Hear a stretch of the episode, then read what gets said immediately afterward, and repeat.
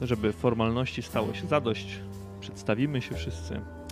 Ja jestem Stanford, a dzisiaj zagramy w Na tropie Cthulhu od Alice Games, którego miałem zaszczyt zostać patronem medialnym, co jest dla mnie naprawdę ogromnym, ogromnym wyróżnieniem i za co przyjdzie mi teraz stokrotnie podziękować. To bardzo miłe uczucie zostać docenionym i zobaczyć logo kanału na jednej ze stron podręcznika.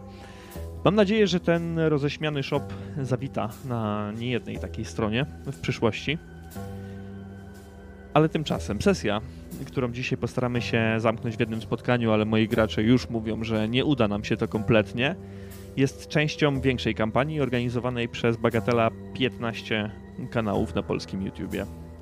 Mamy więc wielu mistrzów gry, wielu graczy, wiele spojrzeń na sprawę. Co prawda, rolą mojego kanału, naszą rolą dzisiaj, jest wprowadzenie Was w jeden z wątków pobocznych, ale nie myślcie, że to jest coś kompletnie nieważnego. Wszelakie nawiązania i całą historię można śledzić już teraz na playliście Mięsa Grzechu e, na kanale Rzucaj Nie Gadaj. E, po więcej informacji, na pewno więcej informacji umieszczę w opisie filmu, kiedy już pojawi się na YouTubie. Dodatkowo będzie można go odsłuchać również na Spotify, jeśli ktoś e, lubi. Mechanika na tropie Cthulhu jest dla nas nowa, dlatego na pewno nie, nie ustrzyżemy się błędów, złej interpretacji, czy takiego typowego, typowego lamerstwa, jak to ma miejsce na e, pierwszej sesji, zwłaszcza kiedy prowadzę pierwszą sesję, także zawsze jakiś błąd musi być. Coś tam rzucimy, gdzie nie będzie trzeba, coś tam odejmiemy, coś dodamy, gdzie nie będzie trzeba, no ale mam nadzieję, że mimo wszystko będzie ciekawie. E, przede wszystkim mam nadzieję, że nie wpłynie to negatywnie na odbiór materiału. Chciałbym powiedzieć, że w dzisiejszej sesji będzie mi towarzyszyć stała ekipa. Jednakże, tak jak mówiliśmy sobie tutaj przed rozpoczęciem nagrywania, na kanale znajduje się miejsce dla debiutanta. Braxios. Cześć Braxios. Hej, hej, cześć. Fajnie, fajnie, fajnie. Znam oczywiście towarzystwo, także miło mi, e, że tak powiem, znowu się w nim znaleźć, ale tak już oficjalnie na kanale, tak jestem pierwszy raz i też jestem bardzo podekscytowany, ponieważ ten system mnie też ciągnie, Trial of Cthulhu, ale go też jeszcze nie zeksplorowałem. Powiem tak. Graliśmy już razem za zamkniętymi drzwiami, ale y, pierwszy raz coś wyląduje na, na kanale, a tym bardziej pierwszy raz y, na streamie. Graliśmy razem wcześniej w Warhammera, więc teraz przerzucamy się kompletnie na całkowicie e, inny system i zaraz, zaraz zobaczymy, jak nam to pójdzie. Ruda i Buczo to stali bywalcy kanału, którzy odgrywają swoje role między innymi w wewnętrznym wrogu, którym dochodzi do małych y, tarć pomiędzy ich postaciami, ale dzisiaj wcielą się kolejny raz w nowe, w nowe postaci. Chciałbym podkreślić, że na ostatniej sesji Zewu Cthulhu nasze postacie łączyła iście rodzicielska więź, więc... Tak? No Ruda, tak. Ruda nie pamięta takich rzeczy. Chodzi o mity, chodzi o mity wojny. Ach, tak, rzeczywiście tak było. Ale to jest- moją rodzinę. To jest inna Nie historia tego. całkowicie, kochani, więc Tak, tak było. Niezmyślne. zaraz przedstawicie swoje postaci. Powiecie, kim jesteście, kim gracie. Ale ja zmienię sobie troszeczkę muzykę.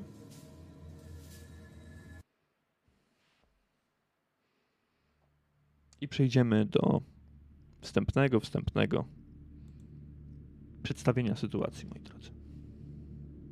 Także posłuchajcie. Ups. To działa. Działa. Dobra. Od czego by tu zacząć? Kochani, przenieśmy się w czasie. Przenieśmy się do lat 30. Do brudnych lat. Nazwanych tak przez mieszkańców wielkich równin Stanów Zjednoczonych. Burze pyłowe na terenie 19 stanów zostawiły za sobą wielką katastrofę geologiczną. Zachłanność rolnicza, brak płodozmianu i wieloletnia susza doprowadziły do powstawania wielkich chmur pyłu. Jedna z nich 14 kwietnia 1935 roku ruszyła z terenów Oklahomy, docierając do Kanady i wybrzeża Atlantyku. Mówiono, że pył pędził z prędkością około 100 km na godzinę. Ludzie zostali pozbawieni domów i roli. Kongres w tamtym momencie przegłosował ostatecznie umowę o ochronie Ziemi. Rozpoczął także szkolenia mające uświadomić rolników, jak ważna jest nasza planeta. Lata 30. to z drugiej strony czasy wielkich gwiazd estrady, takich jak e, Marlene Dietrich, Greta Garbo, Katharine Hepburn, bracia Marx czy Clark Gable. To także dekada desperacji, ubóstwa i wojen. Od 24 października 1929 roku, który przejdzie do historii jako Czarny Czwartek, akcje wielu firm przemysłowych poleciały niczym skoczek spadochronowy. Banki bankrutowały. Firmy straciły około 90% swojej wartości, a rolnikom nie opłacało się sprzedawać owoców roli, więc woleli je niszczyć, bo zostawiać, aby zgniły. Bezrobocie w 1930 roku przekroczyło 30%, a dochód amerykańskiej rodziny spadł o niemal 40%. Wszędzie na świecie ludzie poczęli tracić pracę. Źródła utrzymania i dachy nad głową. Pracowano za głodowe pensje, aby tylko wytrwać, aby tylko dożyć następnego dnia. Ci, którzy nie wytrzymywali presji, zwracali swój wzrok ku przestępstwom, radykalizacji i samobójstwu. Ulice opustoszały. Jedna na pięć rodzin mogła pochwalić się posiadaniem automobilu. Nadal jednak Amerykanie mogli poszczycić się mianem społeczeństwa o najwyższym standardzie życia. Strach więc pomyśleć, do czego dochodziło w innych rejonach świata. W USA jednak nikt nie umierał z głodu. A co się działo na świecie w tym czasie? 30 stycznia 1933 roku przywództwo nad III Rzeszą obejmuje charyzmatyczny Austriak z doświadczeniem Wielkiej Wojny. Ukraina cierpi w wyniku Hołodomoru wywołanego przez politykę Związku Radzieckiego. 15 lutego 1933 roku w Miami fanatyk próbuje zamordować prezydenta Franklina Delano Roosevelta. Tego roku z Niemiec do USA przybywa uczony Albert Einstein. Jednak co najważniejsze, 5 grudnia na mocy 21 poprawki do Konstytucji Stanów Zjednoczonych zostaje zniesiona prohibicja. Rok 1934 przynosi sfotografowanie w Europie potwora z Loch Ness, wprowadzenie ustawy o rezerwach złota, czy też uchwalenie praw tajemnicy bankowej przez Szwajcarię. 9 października ginie król Jugosławii Aleksander I, a Mao Zedong rozpoczyna długi marsz, który zakończy się ostatecznym zwycięstwem sił komunistycznych w Chinach. Jak sami widzicie, na świecie dzieje się bardzo dużo w tym okresie. My jednak przenosimy się jeszcze dalej. Na jesień 1935 roku. Wrzesień. Na Nowy Jork znów spadła fala czarnej sadzy, przyniesionej z zachodu przez Dust Bowl, przez burze pyłowe. Ludność cywilna ukrywa się w swoich mieszkaniach, a kamienice przybierają kolejną warstwę ciemnego puchu. Piach osadza się również na autach. Nieliczni mieszkańcy złapani przez Dust Bowl przebiegają przez pustoszejące ulice. Spokojna, jazzowa muzyka, na którą sobie teraz zmienimy.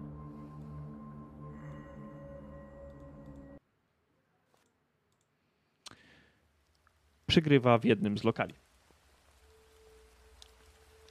Jakiś lokal użytkowy na terenie Nowego Jorku, jakich pełno. Znajduje się on obok y, pralni na rogu dwóch głównych arterii komunikacyjnych Nowego Jorku. Możemy przyjąć, że lokal nazywa się Mały Orlean. I pewnie świeciłby pustkami, jednakże przy kolejnej fali pyłu zdaje się pękać w szwach. Na progu usypuje się wręcz mała wydma, co rusz rozdmuchiwana i powiększana kiedy do Orleanu wejdzie nowa osoba. Goście przegryzają co nieco. Popiję kawę, herbatę, coś mocniejszego. To nie ma znaczenia. Społeczeństwo czuje ulgę choćby w tej dziedzinie. Można zamówić porządny bourbon bez obaw. Czasem do uszu spożywających posiłek mieszkańców Nowego Jorku dobiegają krzyki pracowników sąsiedniej pralni. Pralni, która pracuje na pełnych obrotach. I pośród odgłosów pracowników, klienteli, która w tych czasach e, odwiedza pralnię i otwartych maszyn, przenikamy na zaplecze. Zaplecze, gdzie pośród popsutych pralek, koszy i regałów znajdują się drzwi do biura osoby zarządzającej. Wnętrze biura jest zagracone, ciemne, a jedynym źródłem światła jest mała lampka ustawiona na biurku. W powietrzu unosi się zapach detergentów uderzających prosto w nozdrza. Łysy, zmęczony życiem mężczyzna w czarnej koszuli zasiada za biurkiem ze złożonymi palcami, trzymając dłonie na bracie.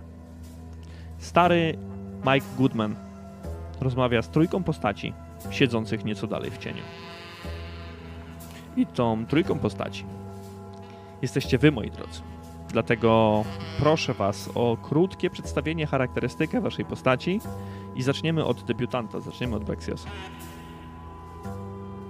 E, więc Jerome Glover jest to 35-letni e, czarnoskóry mężczyzna. E, ubrany w tej chwili w trzyczęściowy garnitur, z którego jeszcze e, strzepuje resztki, resztki pyłu. E, w rękach, na, rozumiem, że siedzimy, więc na kolanach trzyma fedorę, której też jeszcze trochę tego pyłu schodzi. Nosi okulary, które, które, które, które też jeszcze są nieco zakurzone. Zawsze wierny mu aparat, bez którego nigdzie się nie rusza, zamknięty teraz w pokrowcu. Eee, jeżeli chodzi o samego Jeroma, e, jest to potomek eee, generalnie. Jest, jest to drugie pokolenie Haitańczyków w Stanach. Jego rodzice byli migrantami. E, Od, od dziecka ma zaszczepioną, że tak powiem, e, e, jakby to powiedzieć, ch- chęć łaknienia wiedzy, ale wiedzy paranormalnej. Stąd też jego, jego, jego, jego, jego zawód, czyli parapsycholog. Interesuje się różnymi rzeczami, które wymykają się racjonalnemu wyjaśnieniu. Jest jednym z tak zwanych pierwszych łowców duchów czyli poszukuje jakichkolwiek dowodów na istnienie życia pozagrobowego.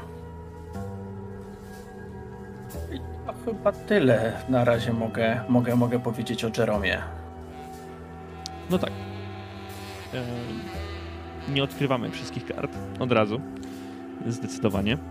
Tak więc. e, Kto następny? Ktoś ze dwóch stałych bywalców.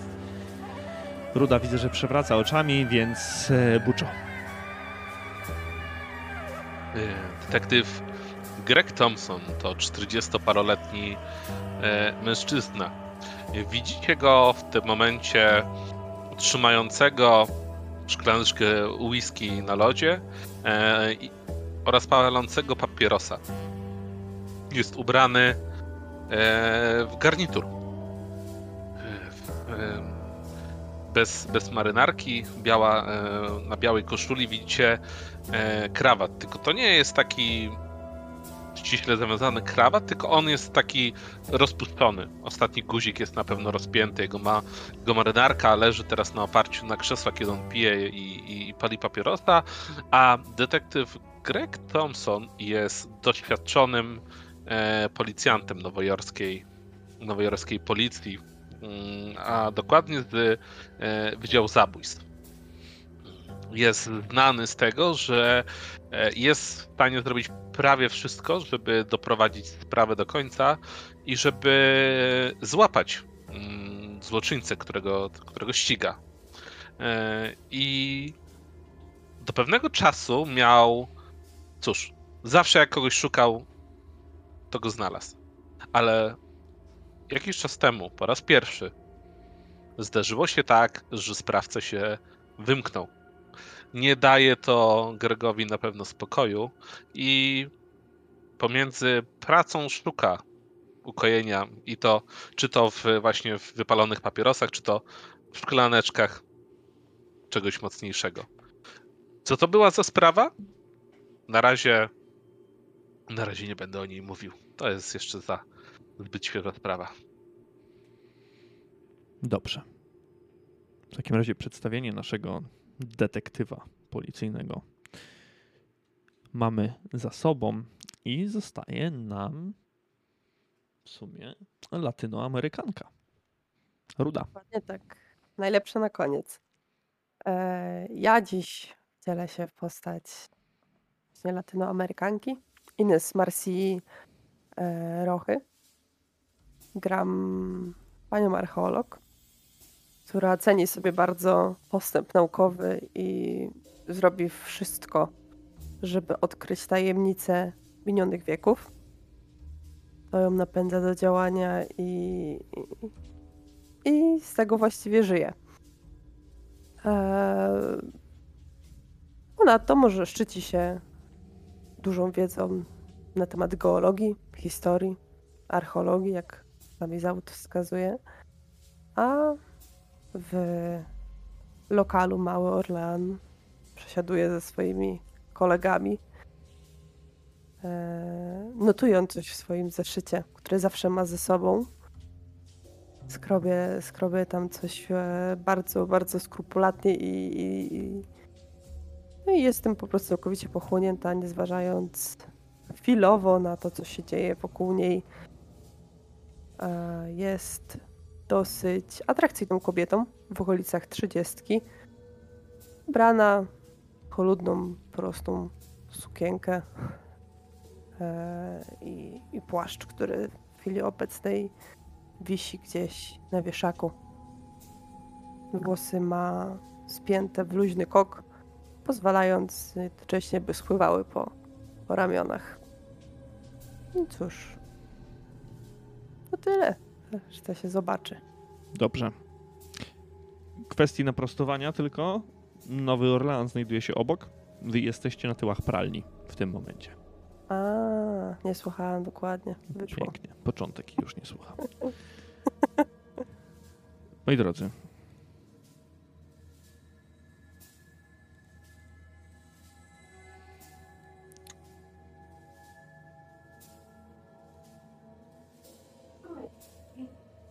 Mężczyzna, łysy, spogląda się na was poważnie. I w waszą stronę podsuwa trzy teczki. Typowe teczki na akta. Nie jesteśmy tutaj po to, żeby się bawić. Sprawa jest poważna, a wiecie, że biuro federalne nie prosi dwa razy. USA nie patrzy jedynie wewnątrz. Sięga dalej. Tam, gdzie zagrożona jest demokracja, tam, gdzie dzieją się rzeczy dziwne, nienormalne, tam wysyłani są ludzie, aby zapobiegać katastrofom. I tymi ludźmi jesteście dzisiaj wy. Thompson, jako stary wyga. Rosza, czy jak tam do ciebie mówić, jako specjalistka od kultur. I jako locals. No i Glover, który może rzucić więcej światła na sprawę w kategoriach wierzeń. Poza tym wasze kolory skóry pomogą nam w miejscu, gdzie się wybieracie. Thompson, o dziwo nie będziesz się rzucać w oczy. Od jakiegoś czasu zaobserwowałem tam wzmożony ruch pomiędzy portami III Rzeszy.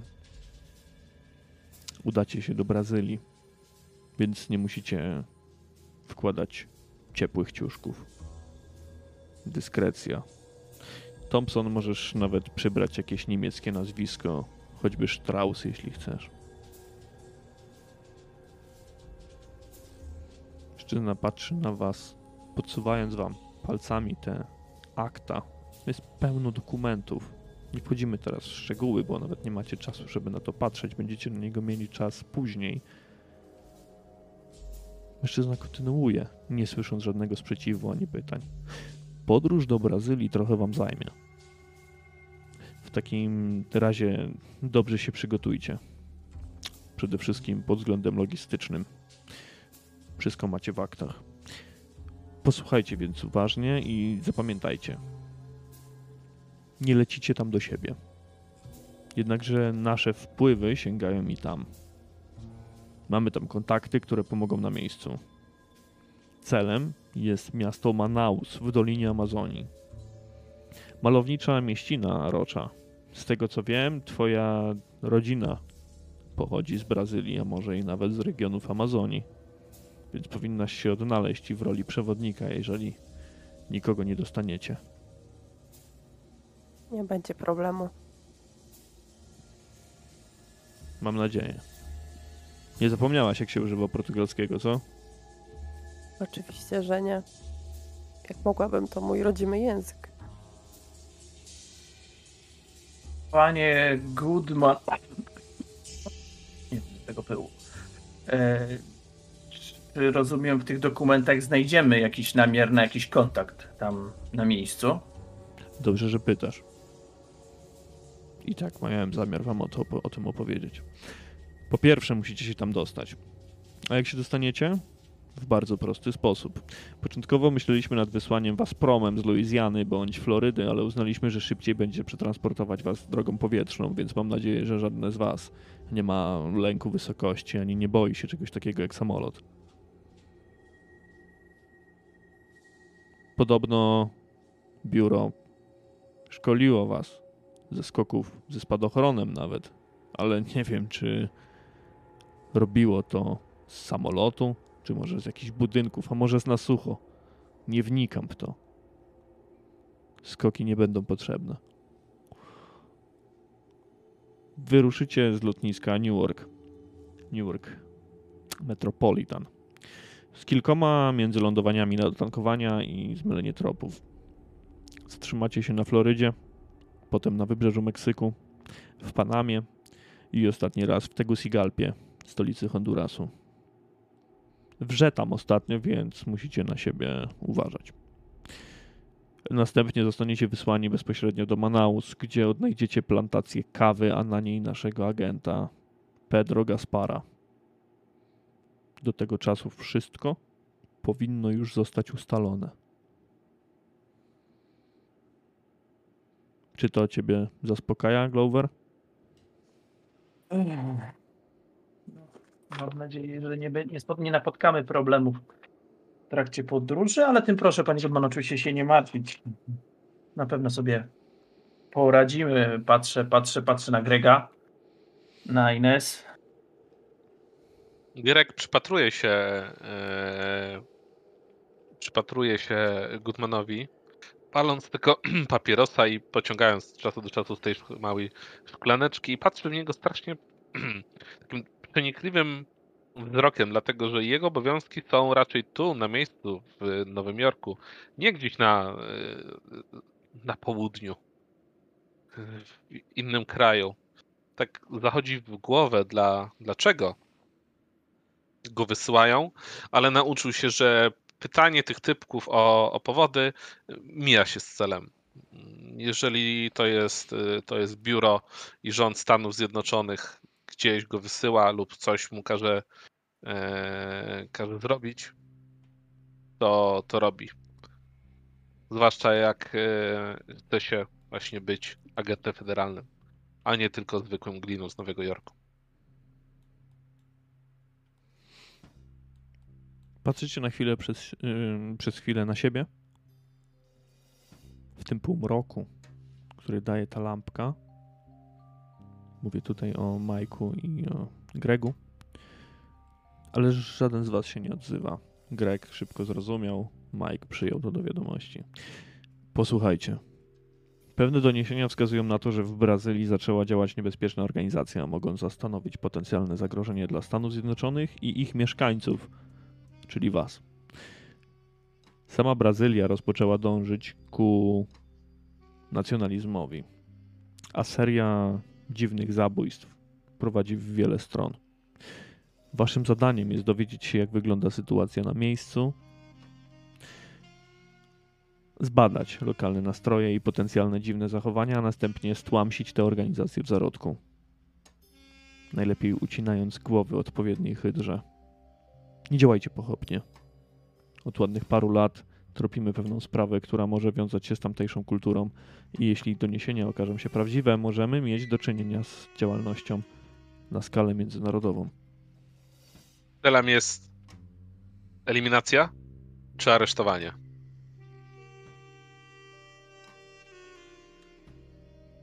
Działacie, środki? działacie nie u siebie, więc aresztowanie nie wchodzi w grę. Będzie stłamsić to w zarodku. Rozumiem. Wszystkimi metodami, jakie będą konieczne. Yy, mamy nazwę tej organizacji albo chociaż jakiś trop? Nie. Wszystkiego dowiecie się od Gaspara na miejscu. On powinien wiedzieć więcej. Eee, Odkrząkuję eee, Jerome. Zastanawia mi, e, tak jeszcze, my się znamy, prawda? Z Ines i z Gregiem. Tak, oczywiście, że się znacie. Może nie, nie jesteście super przyjaciółmi, bo jesteście z różnych dziedzin tak naprawdę, różnie współpracujecie na różnych zasadach z biurem, ale znacie się jak najbardziej. E, Więc, e, panie Goodman, zastanawiają mnie też te, jeśli chodzi dziwne, dziwne morderstwa, bo domyślam się, że stąd właśnie ta taka dość nietypowa mieszanka nas tutaj e, o różnych specjalizacjach. Czy coś wiemy więcej? Ja przyznam się szczerze, lubię, lubię zawsze być dwa, trzy kroki do przodu. Mm, Czy, czy coś więcej wiadomo o tych morderstwach? Bo domyślam się, że ma, są na jakimś tle. Czy, czy, czy, czy to właśnie. E, nie wiem, czy z mojej dziedziny, czy, czy, czy, czy mają jakąś tajemnicę w sobie, coś, co je łączy. Dobrze, że pytasz, Glover, bo właśnie dlatego jesteś tam wysyłany. Znasz się trochę na kulturach, innych tego typu rzeczach i wydaje nam się, jesteśmy w stanie to stwierdzić po doniesieniach z Brazylii, że morderstwa, do których tam dochodzi, mają charakter ściśle rytualny. Ale to waszym zadaniem będzie określenie co to za rytuały, co to za jakiś kult, organizacja. Nie mam pojęcia. Nie wiemy wiele. Dlatego liczymy na Was i na to, co przekaże Wam Gaspar, jak go już znajdziecie. To dość rozpoznawalny i szanowany plantator tam, w Manaus. Uważajcie jednak, to naprawdę duże miasto. I mimo, że lecicie w dzicz, to może was zadziwić, co tam znajdziecie.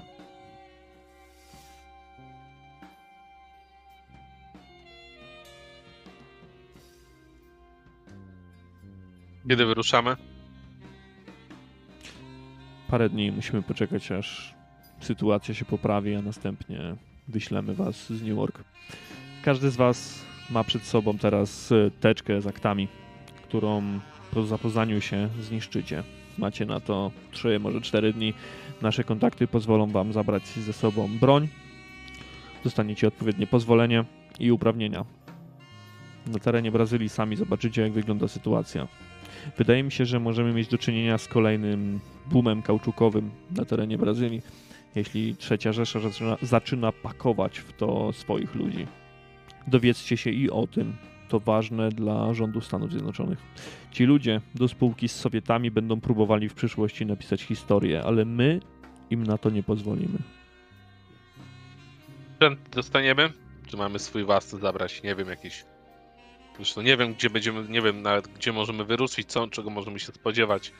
E, chyba póki nie, dopóki nie spotkamy się z Gasparem, to raczej będziemy w cywilizowanych miejscach, prawda? To prawda. Nie licząc Hondurasu i Panamy.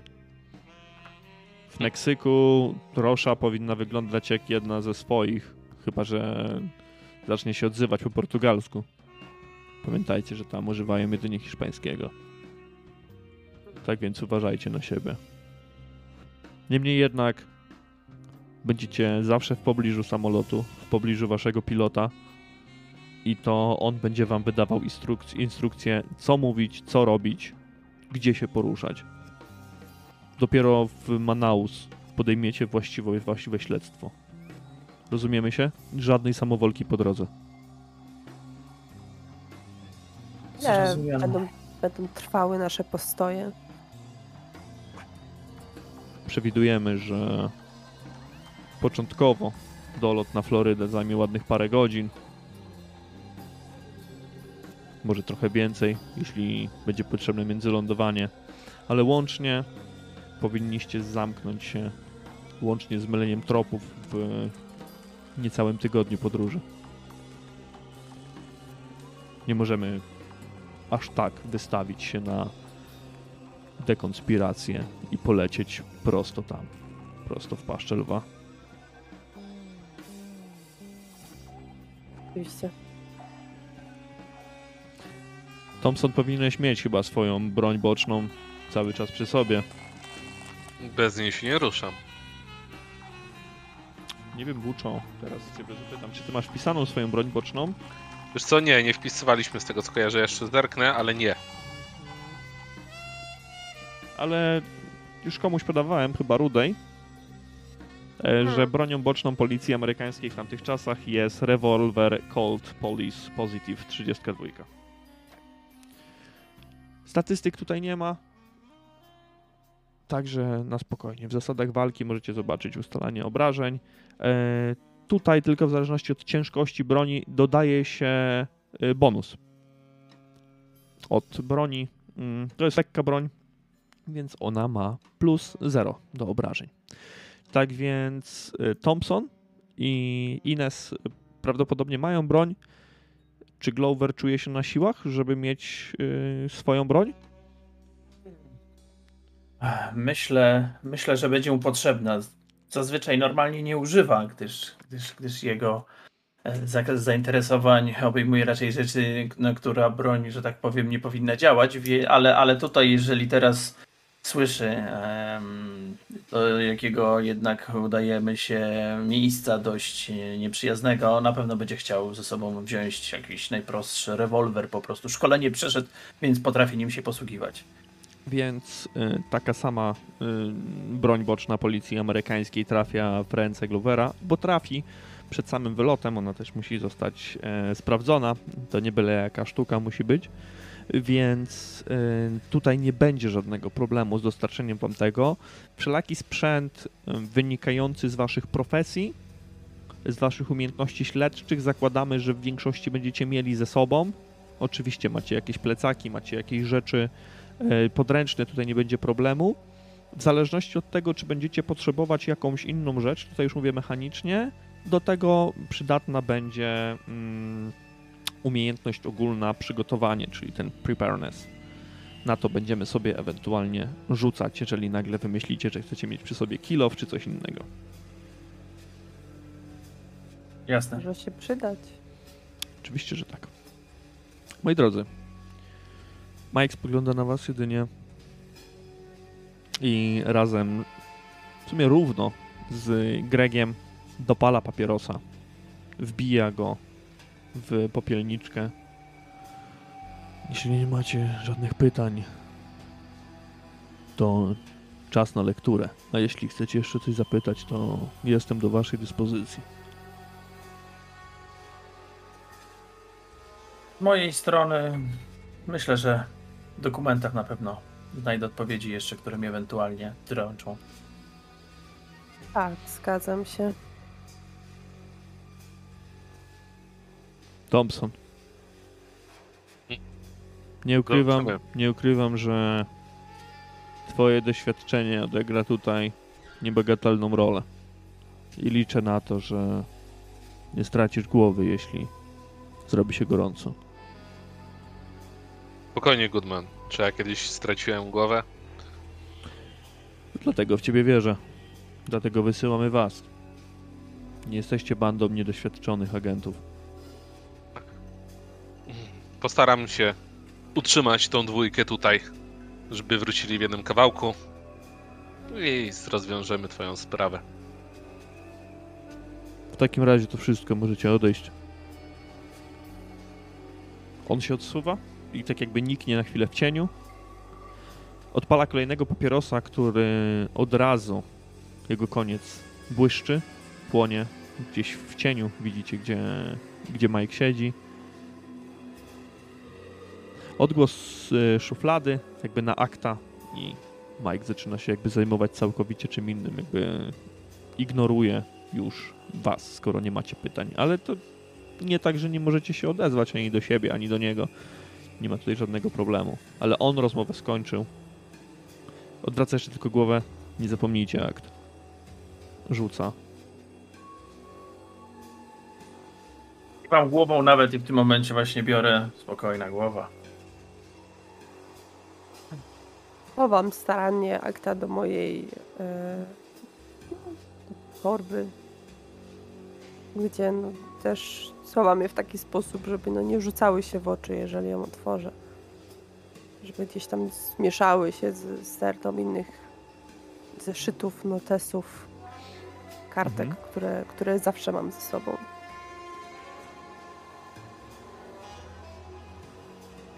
Ja wkładam, jak już ubieram się, to po prostu, no ja włożę pod płaszcz, przyjechałem tutaj samochodem, więc ja po prostu, na razie mam po prostu ją, e, te dokumenty mm, schowane, schowane po prostu, że tak powiem, przy sobie. Dobrze. Ja wkładam za pazuchę, No, dopijam drinka. W porządku. Czy. Zapytam was tak. Rzeczy z akt będą przed wami jakby odkrywane też na potrzeby scenariusza. Teraz nie będę wam przedstawiał, nie wiem, całej historii Brazylii i tak dalej, bo to kompletnie, kompletnie się mija z celem, nie ma sensu, ale przed samą podróżą, jeśli macie jakiś pomysł, chcielibyście coś zrobić, o coś zapytać, y, nie robimy żadnych zakupów, bo to jest w ogóle mm, rzecz poza mechaniką, to jak najbardziej można teraz, jeszcze dopóki jesteście w Nowym Jorku. Jeśli nie, przeskakujemy na etap podróży. No ja bym na pewno się chciała przygotować jak najlepiej. E, no, ocen- chciałabym się dowiedzieć, czy też wykorzystać no, moją, moją wiedzę, e, jak wygląda jak wygląda teren w tamtejszych okolicach, co mam, na co mam się przygotować, jaki sprzęt ze sobą zabrać, jakie niebezpieczeństwo może tam na mnie czekać w postaci, no, jeżeli idziemy w dzicze, to zwierzyny i tak dalej. Dobra. W porządku. Mm, Ja również na pewno chciałbym się e, jakkolwiek, to uda mi się, może czy nie uda mi się coś znaleźć, jakieś informacje, czy może gdzieś w gazetach było, pojawiało się jakiekolwiek właśnie informacje z Manaus, konkretnie chodzi mi o tych e, no, no, czy po prostu w gazetach były jakieś wzmianki o tych e, dziwnych morderstwach, bo to mnie zainteresowało. Domyślam się, że to w aktach mogę mieć oczywiście, Mhm. ale tak jeszcze chcę po prostu poczytać o sytuacji też takiej tam, co tam się dzieje, na co uważać, ale, ale bardziej na gazetach chciałem się skupić po prostu. Dobra. Ja też, e, co chciałabym, czego chciałabym się dowiedzieć, to mm, jeżeli morderstwa miały charakter rytualny, to czy są jakieś e, ruiny, jakieś stare budowle, no, no coś, coś e, co mogłoby, co mogłabym powiązać z tym, tak, z jakimś, jakimś jakąś kulturą, tak, która kiedyś tam po prostu była, no wykorzystać najlepiej tą moją wiedzę, jaką mam. Dobra. Ja jako, mm, że ten Pedro Gaspar jest plantatorem, to plantatorzy zwykle są w miarę bogatymi ludźmi. Chciałbym sprawdzić jakieś informacje, czy może były w jakichś właśnie gazetach odnośnie e, Gaspara, coś o nim poszukać. Dobra. E, Teraz jest taka kwestia tylko. Nie będziemy odpisywać żadnych punktów e, w tym momencie, ale czy ktoś z Was ma korzystanie z bibliotek jako umiejętność śledczą? Bo to może być tylko śledcza umiejętność, bo to jest pod takim względem. Buczo chyba nie ma. Tak, Ja chyba Ja mam mam, ja mam, Ja też. ja mam. Dobra. Czyli Ruda i Brax mają, a Buczo korzystania z bibliotek jako takiego nie ma, więc e, dokopanie się do takich informacji u ciebie, wed- według ciebie, e, Thompson, nie zdaje egzaminu. Nie znajdujesz nic o kimś, kto nazywa się Pedro Gaspar. Co ciekawe, nawet jeśli chciałbyś poszukać w aktach mm, policyjnych przykładowo, nie ma takiej persony, nie ma takiej osoby.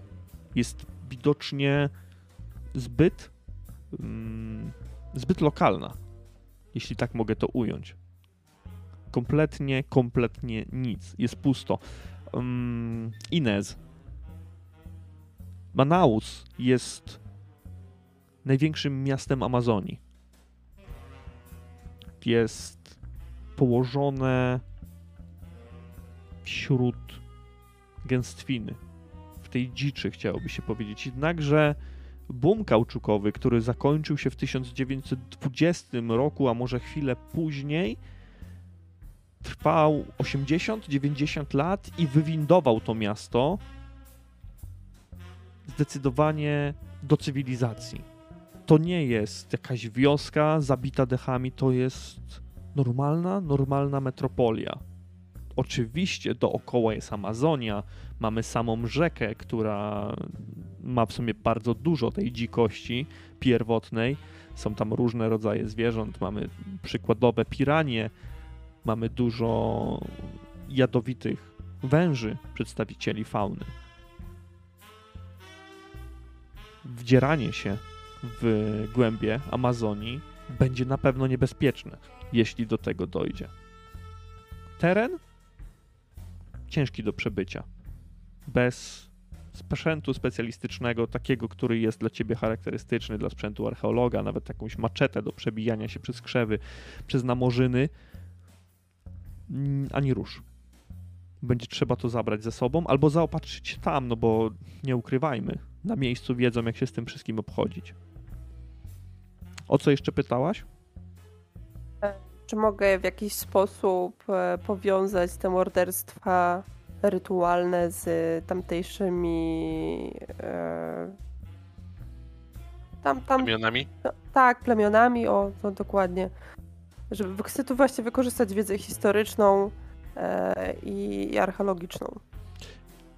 Być może, jeśli je zobaczysz, ale mhm. nie wiesz za wiele o tym, macie strzępki informacji, e, to od razu mogę też powiedzieć Gloverowi, bo to jest taka sama wiedza, ty też się trochę tym parasz. Na pewno w Ameryce Południowej, w Brazylii mieszają się wpływy katolickie, wpływy tubylcze i te, które charakteryzuje, te, którymi charakteryzuje się ludność buntu, czy bantu, przepraszam teraz, jeśli, jeśli popełniam błąd w nazwie. Chodzi mi o tą gromadę ludów, które wywodzą się z mm, Afryki od zwrotnika na południe. Czyli to są też afroamerykańskie yy, ruchy. Chciałbym powiedzieć okultystyczne, ale to są po prostu grupy wierzeń.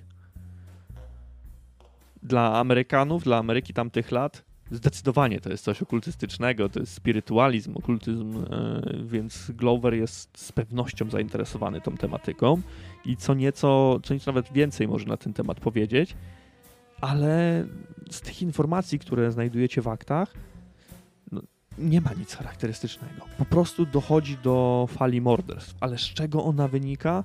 To jest Brazylia. Tam nie ma kanału przerzutowego informacji, dlatego właśnie wy jesteście tam wysyłani i to w dość dziwny sposób. Nie promem, nie ma czasu, wysyłają was szybko, samolotem. Jak jeszcze było pytanie, kochani, bo było ich tak dużo, że, że mogłem nie, nie odebrać wszystkiego. Brax chyba jeszcze miał jakieś pytanie. E, tak, tak, tak, ale tu, tu rozumiem, że no nie mamy po prostu informacji. Chciałem coś, coś gdzieś w gazetach pojawiały się, nawet jakieś najdrobniejsze zmianki e, na temat tych, tych, tych morderstw, jakieś informacje. Mm, e, ewentualnie chciałbym jeszcze jedną rzecz wykorzystać, jeżeli nic nie znalazłem, tak, że tak powiem, pobieżnie przeglądając w bibliotece mm, gazety, skontaktować się, skontaktować się z skontaktować się z kobietą, która jest moją mentorką, e, z Doris Wolfe. Mhm. Siedzibę, w siedzibie Amerykańskiego Towarzystwa Badań e, Parapsychologicznych, które jest w Nowym Jorku. czy mają może tam jakieś informacje o sytuacji w Brazylii e, i tym, co się tam teraz e, dzieje na przykład. Dobra, dobra, połączymy to sobie z y, tym wykorzystaniem e, kontaktów twoich. Nie Mhm. będziemy rzucać, nie, nie, nie ma konieczności rzutów w tym wypadku. E, w gazetach nie znajdujesz nic o morderstwach, o żadnych kultach. Informacje, mm, które są przekazywane czasem z y, kontynentu południowego, nie są zbyt bogate. Nie oszukujmy się. Jednakże, jeżeli zaczynasz pytać, dopytywać trochę więcej, wiesz, że w latach 30., przez te 5 lat, które y, teraz minęły od 30-35 roku, w Brazylii nasila się coraz bardziej ruch prawicowy. Ideologicznie mm, prezydent Getulio Vargas dąży w stronę nacjonalizmu. Tych latach, które teraz podaję, dochodzi do dwóch prób obalenia rządu przez wojsko. W 1932 roku dochodzi do powstania konstytucjonalistów związane z narastaniem opozycji. Opozycję stanowili oligarchowie kawowi, czyli właśnie plantatorzy i tak dalej. Oni zostają pokonani.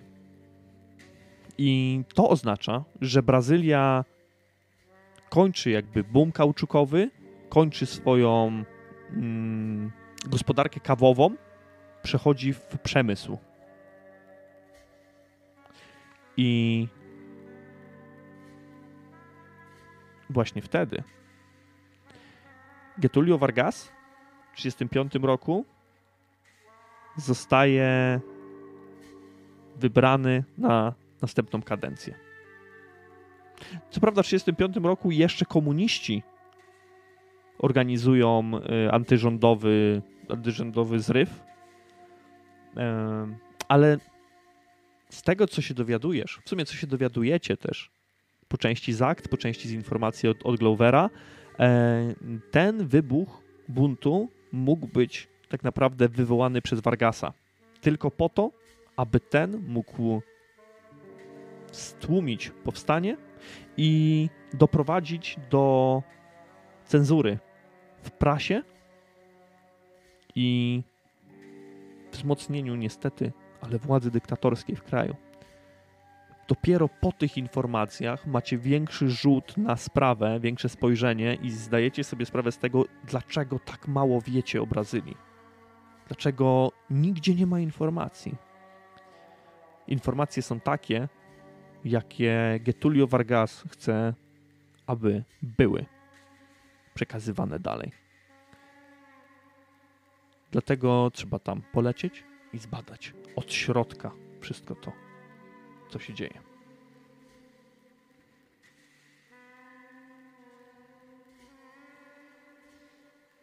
Jeszcze jakieś pytania, moi drodzy?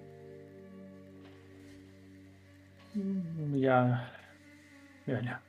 Mi się wydaje, że e, po tym spotkaniu mm, Thompson wziął te akta, wrócił do swojego małego mieszkanka gdzieś na Brooklynie. Mm, Usiadł, usiadł w kuchni, zapalił kolejnego papierosa, nalał sobie szklaneczkę, szklaneczkę whisky, siedzi przy takim starym stole pokrytym e, ceratą. E, Dym z papierosa tak wlatuje do góry. Może już ten papieros dopala się w ten sposób, że lada moment ten, e, ten popiół spadnie.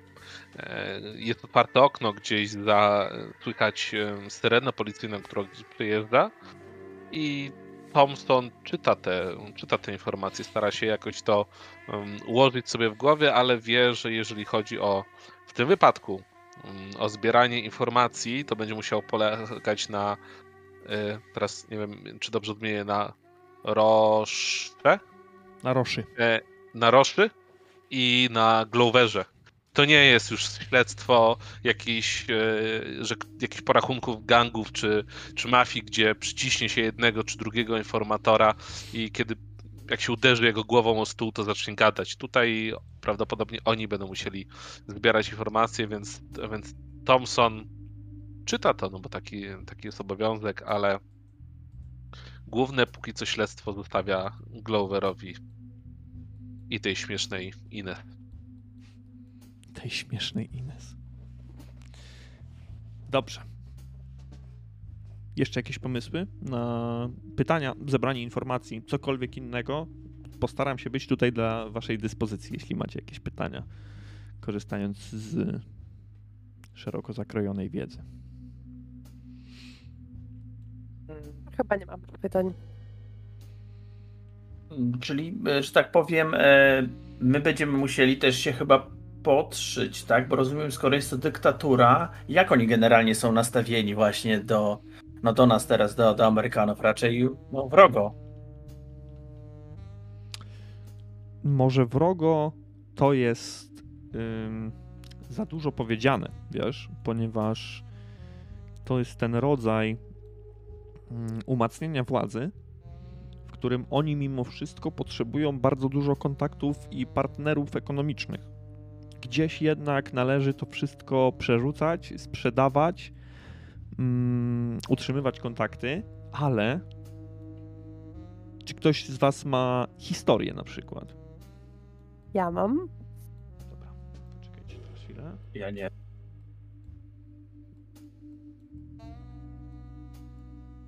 Ja rozumiem, że ja nie będę miała problemu, no bo jakby będę u, u ciebie. Tak, tak, Trochę. tak, tak, tak. Ogólnie, żeby wam naszkicować też rys y, tego, y, posłużę się właśnie umiejętnością historii y, Roszy. Stany Zjednoczone od dawna, czyli w sumie od y, niecałej połowy XIX wieku, od kiedy prezydent Monroe wprowadził doktrynę od swojego nazwiska, y, prowadziły politykę izolacjonizmu. Uważały, że one nie będą angażować się w sprawy europejskie, ale uważają także, że jednocześnie Europa nie ma prawa angażować się w sprawy amerykańskie. I tutaj Ameryka chciała rozwinąć swoją strefę wpływów także na Amerykę Południową. To ma potem mocny wydźwięk e, w latach późniejszych, po 1945 roku, e, w czasach e, ery zimnej wojny. Jednakże w momencie, kiedy teraz dowiadujecie się, że w Brazylii swoje paluchy maczają także Niemcy, macza trzecia Rzesza, Ameryka nie jest w stanie odpuścić tego kawałka, że tak powiem, ziemi. Mimo, że y, Brazylia prawdopodobnie prowadzi politykę dość mocno zakrojonego interwencjonizmu państwowego, czyli mocnego uprzemysławia, uprzemysławiania, dążenia do rozwinięcia gospodarki, muszą mieć jakieś rynki zbytu. Gdzieś trzeba to wszystko sprzedawać. Więc tutaj nie ma miejsca na to, czy ktoś siebie lubi, czy siebie nie lubi. W tym momencie Ameryka Południowa jest jedną wielką strefą wpływów.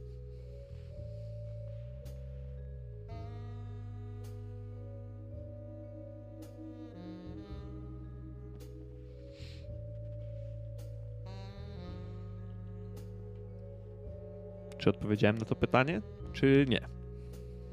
Okej, okej, okej. No tak chciałem ten kontekst tylko tak e, wyłapać, także. Będziemy jeszcze wyłapywać, oczywiście.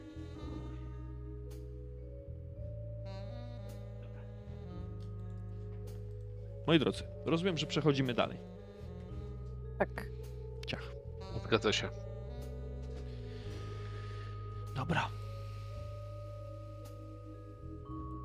No to ku przygodzie w takim razie. Ahoj. Fru, fru. Przejdźmy sobie tutaj. Mija kilka dni. Przenosimy się 15 km na południowy zachód od centrum Nowego Jorku. New Jersey. Granice miast Newark i Elizabeth. Pora jeszcze raz sprawdzić swój dobytek.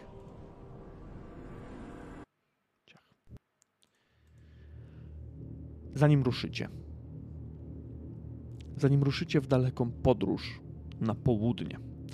Pogoda poprawiła się na tyle, według tego, co przewidywał e, Mike, że można w końcu próbować wzbić się w powietrze.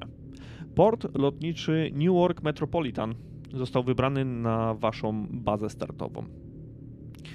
Drobiny szarego piachu, pyłu i popiołu wznoszą się w powietrze, kiedy kroczycie od podstawionego samochodu w stronę płyty lotniska.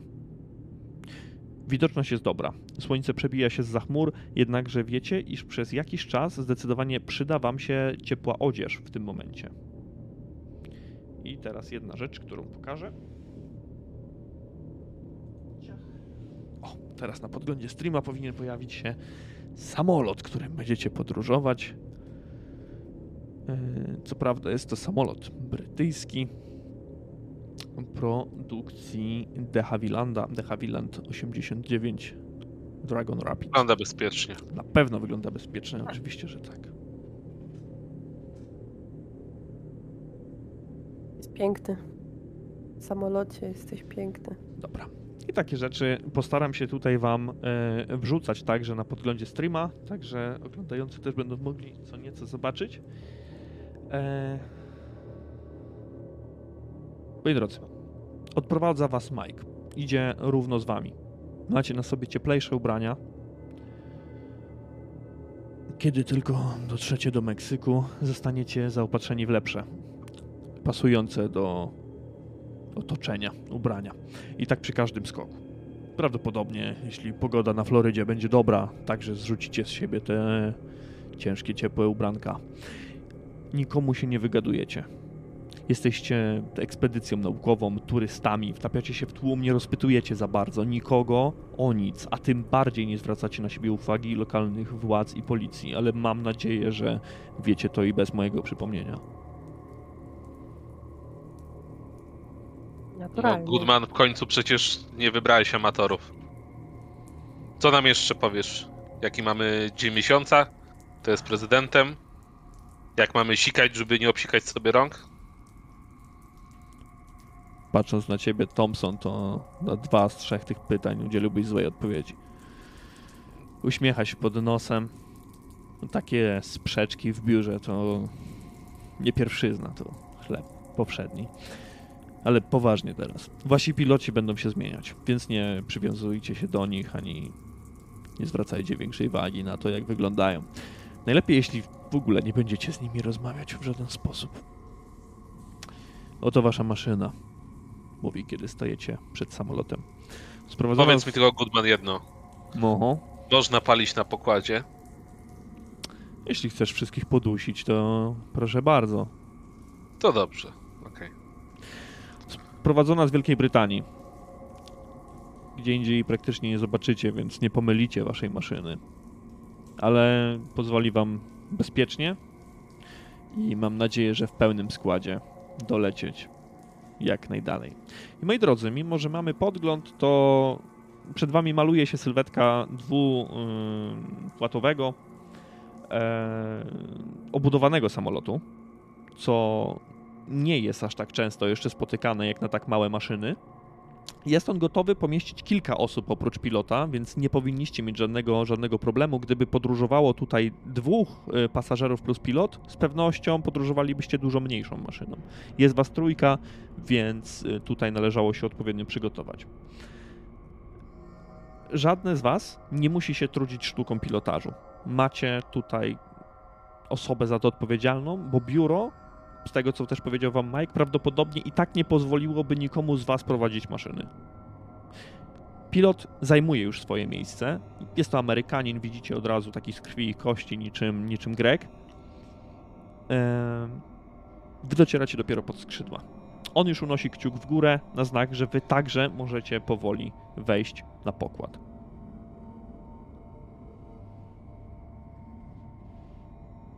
Rom odwraca się jeszcze ostatni raz, nim wejdzie. Klepie maszynę i wchodzi do, do środka. Thompson wziął oczywiście, kończy palić papierosa przed wejściem i rzuca go na, na płytę lotniska, zdeptuje. Mm, I tak gładzi się po wewnętrznej części pazuchy, bo w prawej ręce ma torbę y, z bagażem, ale za pazuchą ma ukryte dwie awaryjne piersióweczki. E, Bo patrząc, to co słyszał o podróżach y, s- podróżach samolotem, e, słyszał, że tam jest obsługa, ale patrząc na ten, e, ten model, to obsługa tutaj chyba nie będzie raczej obowiązywać, więc na, ten, na taką sytuację też się zabezpieczył i będzie mógł sobie podciągać do swojej piersiówki. I też wchodzi. Ines e, wchodzi ostatnia.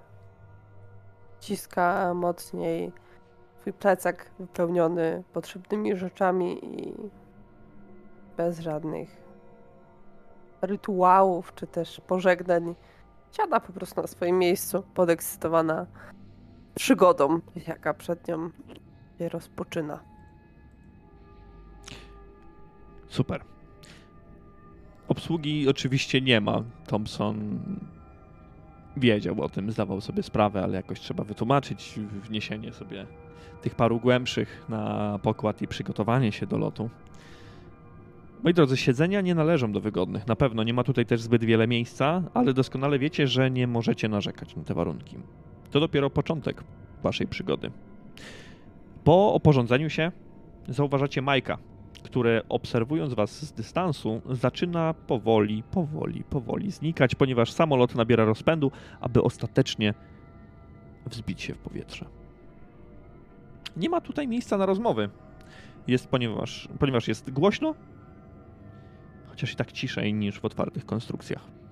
Nowy Jork, Newark, Newark, Elizabeth wkrótce zaczynają zlewać się w jedno miasto. Następnie w punkty wysokie budynki, aby ostatecznie krajobraz zmienił się na leśny, pozamiejski.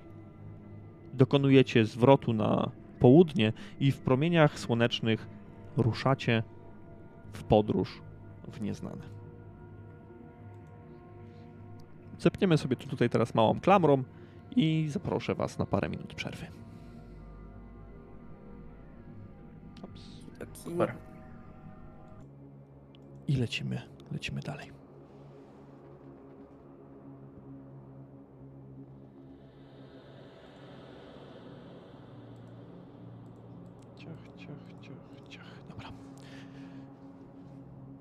Floryda wita Was y, dużo wyższą temperaturą.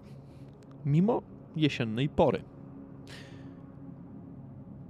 Lądowanie wychodzi Wam całkiem sprawnie.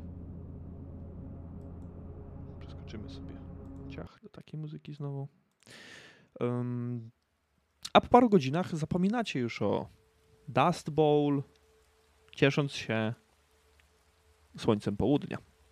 Możecie rozprostować kości, zjeść coś, napić się i odpocząć pośród licznych plaż tego stanu. Nie ma jednak tego czasu zbyt wiele, gdyż po dotankowaniu i przerwie pilot oświadcza wam, że musicie teraz ruszyć w dalszą podróż. Przelecenie nad Zatoką Meksykańską, nieopodal Kuby i dalej na południowy zachód w stronę Meksyku jest planem minimum, który musicie wykonać. Pogoda we wrześniu nad Atlantykiem i nad Zatoką Meksykańską bywa kapryśna. Jest to sezon huraganów. Dlatego nie dziwi Was to, że pilot przed zajęciem swojego miejsca w maszynie składa modlitwę.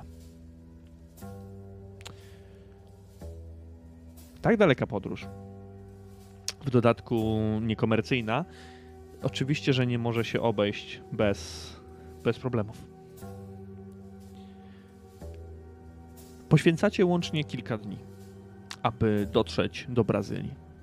Naprawy techniczne, bo oczywiście burze dają o sobie znać. Postoje, oczekiwanie na możliwość dalszej podróży, czy też czekanie na następnych pilotów. Dają wam, to dopiero daje wam odpowiednie okno, aby ruszyć dalej i przeżyć nieco przygód w Meksyku, Panamie oraz na terytorium Hondurasu. I jego stolicy Tegucigalpie. Od dwóch lat w Hondurasie władzę silną ręką trzeba, trzyma Tiburcio Carlos Andino, którego zapędy dyktatorskie nie są nikomu obce. Z akt wynika, że to właśnie tutaj powinniście zachować szczególną ostrożność, wyposażyć się w żywność przed wyruszeniem w stronę Amazonii. I to właśnie w takim mieście, w takim mieście, w takim państwie jak, jak Honduras i mieście jak jego stolica, macie namiastkę tego. Honduras jest dużo mniejszy oczywiście niż Brazylia, ale macie namiastkę tego, jak wygląda władza dyktatorska albo chociaż jej element. Wiecie, na co się przygotować. Zbrojna milicja, wojsko na ulicach, ludzie wyglądają na zastraszonych, cenzura prasy. Nie ma radości takiej, jaką mieliście na Florydzie. Kult pracy. Wszystko dla ojczyzny. Bo tak trzeba robić. Bo tak mówi wódz. I te przeskoki pomiędzy Meksykiem, Panamą, Hondurasem zauważacie degradację cywilizacji. Im dalej na południe, tym wydaje wam się, że jest gorzej. Tym już nie pozwalacie sobie na śmieszne żarty. Nie odchodzicie zbyt daleko od maszyny, od pilota, od pilotów. A w sumie im bardziej latynoamerykańsko wyglądają, latynosko, tym bardziej wewnętrznie się cieszycie, bo może będą pełnić rolę jakichś przewodników, może z nimi nikomu nie przyjdzie do głowy, żeby was w jakikolwiek sposób zaatakować, obrabować, okraść.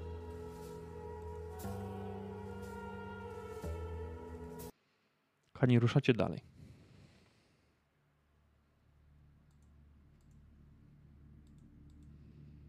Wasz pilot, który zabierze was do Amazonii, przedstawił się jako Lorenzo, a następnie począł pakować do samolotu plecaki, dość obszerne, które ustawił przy waszych siedzeniach. Każdy dostał po jednym plecaku.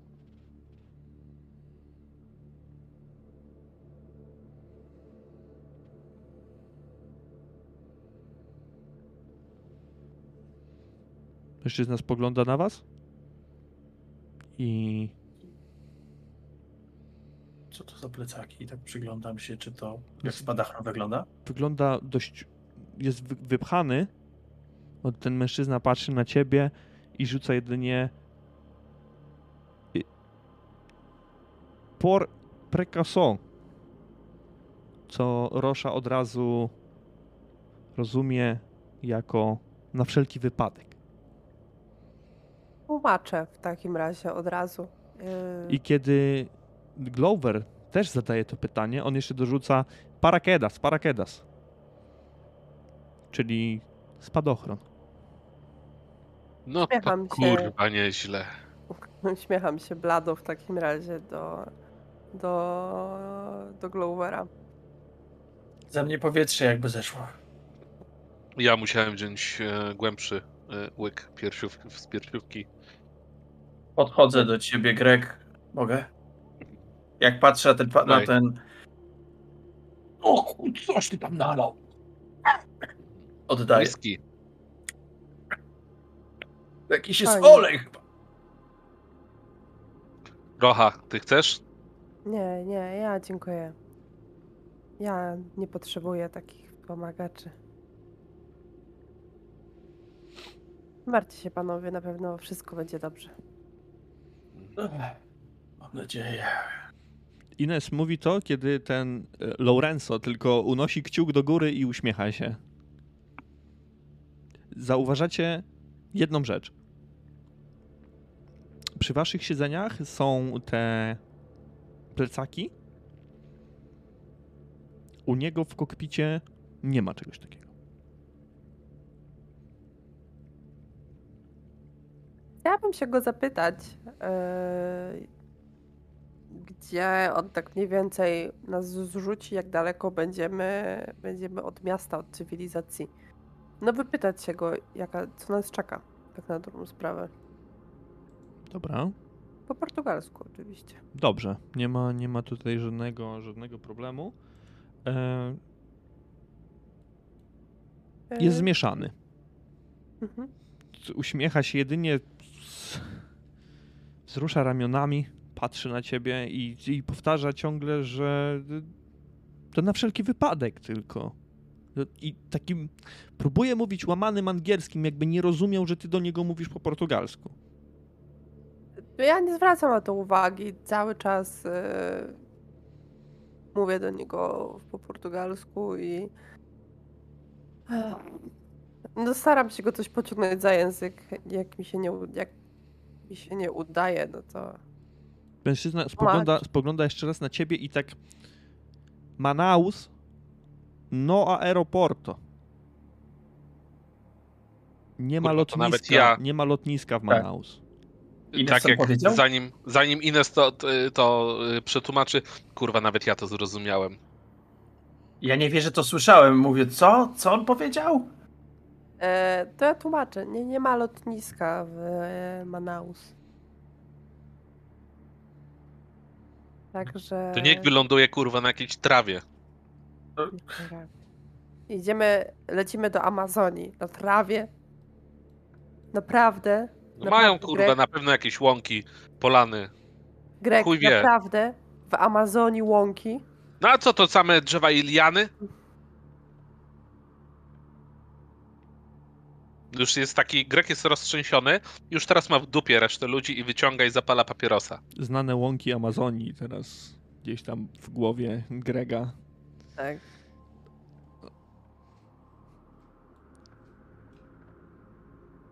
Lorenzo Kurwa, spogląda jeszcze raz na was i rozkłada ręce trochę. Lecimy? Tak, wskazuje na, na Grega, żeby dając informację, no pokazując, że pali, więc jak tylko skończy, to będziemy się wspierać. Poklepuje po ramieniu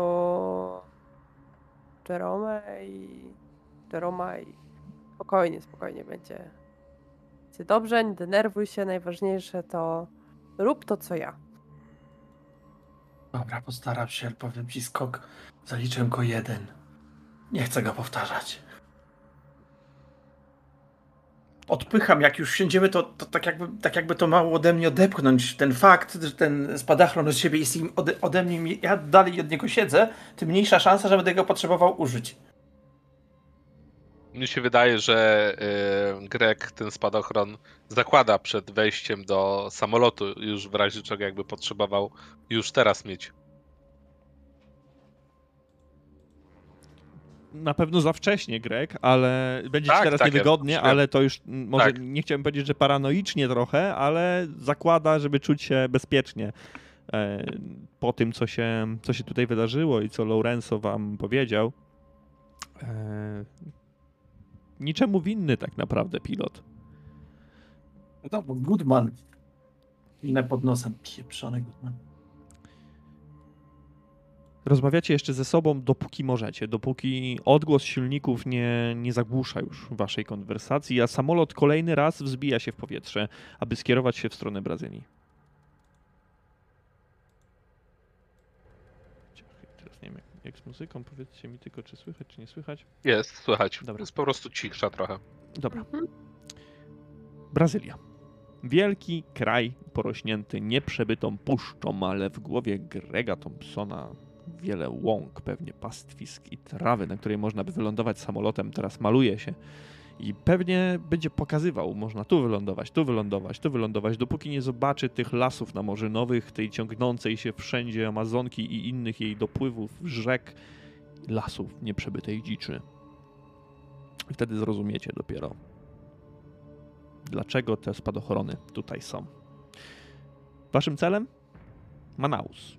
Jak wyczytaliście w aktach i jak powiedziała wam Ines, największe miasto regionu Amazonas. Miejsce, w którym rzeki Rio Negro i Solimoes łączą się ze sobą, tworząc Amazonkę właściwą.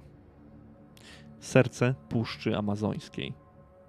Tropikalna flora i fauna spotyka się tutaj z mocnym rozwojem miasta, stylizowanym wręcz na jedną z metropolii europejskich powtarzacie sobie jeszcze raz w tych aktach, to co już słyszeliście z 3-4 razy do lat 20. dla Manaus i całej Brazylii najważniejsze było wydobycie kauczuku.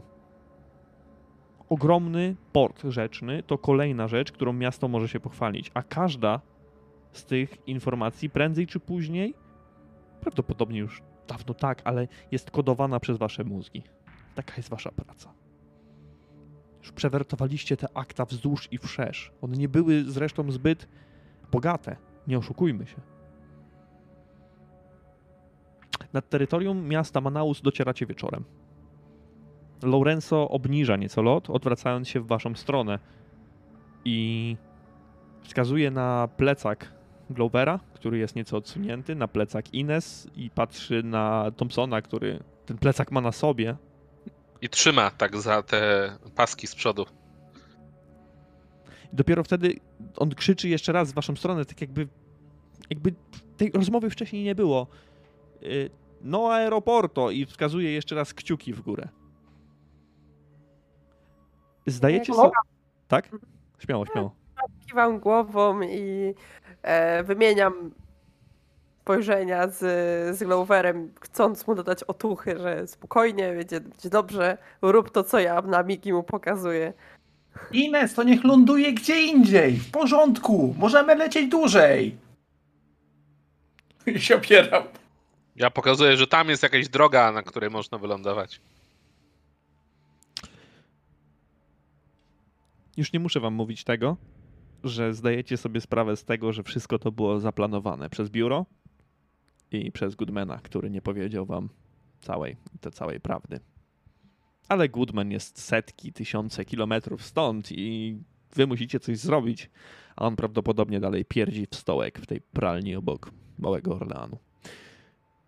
Otwarcie włazu drzwi nie powinno sprawić większego problemu. Tutaj nie dojdzie do dekompresji, bo jesteście zdecydowanie nisko, ale na tyle bezpiecznie, aby móc otworzyć spadochron. Lo- Jeśli mogę, tak? ja bym pierwsza. Dobrze, dobrze, dobrze. A nie przodem. E, Kiedy to robicie, Lorenzo obraca się z powrotem, z powrotem jakby na, do kokpitu, dając wam e, sygnał do skoku. I Ines jako pierwsza robi ten krok, wypadając w nicość. E, Ja zawsze zwracam się do moich współpracowników e, po nazwisku. To jest e, coś, co mi zostało mm, z policji, więc to nie jest tak, że on jest gburem, tylko on też jest tak nauczony i on zawsze mówi po nazwisku, ale tym razem Jerome, czy kto, kto najpierw? Ty, ty może, No. ty. Ja, ja jeszcze chwilę No, potrzebuję. No, jak baba dała radę, to, i- to, to, to nie możemy i nam teraz zrobić. No, no dobra, no to ja podchodzę do tego mm, e, no wyjścia, że tak powiem, tak? Mhm. Rzucam jeszcze jeden, jedno spojrzenie w e, tutaj Jeroma, jedno takie nienawistne spojrzenie w pilota, chociaż to nie jego wina. I tak oddychając, e, ten Thompson nie jest w ogóle religijny, ale strzeżonego Pan Bóg strzeże, więc e, bierze, zrobi jeszcze znak krzyża i wyskakuje. Dobrze. To są, to są sekundy. I bo tylko to- tak Jerome słyszy takie kurwa i tak oddalające się. Biorę swoje. e, Już, że tak powiem, e, założony mam spadachron, więc no domyślam, że gdzieś tu przyczepiono, mam tą torbę, to jeszcze ją trzymam z moimi rzeczami.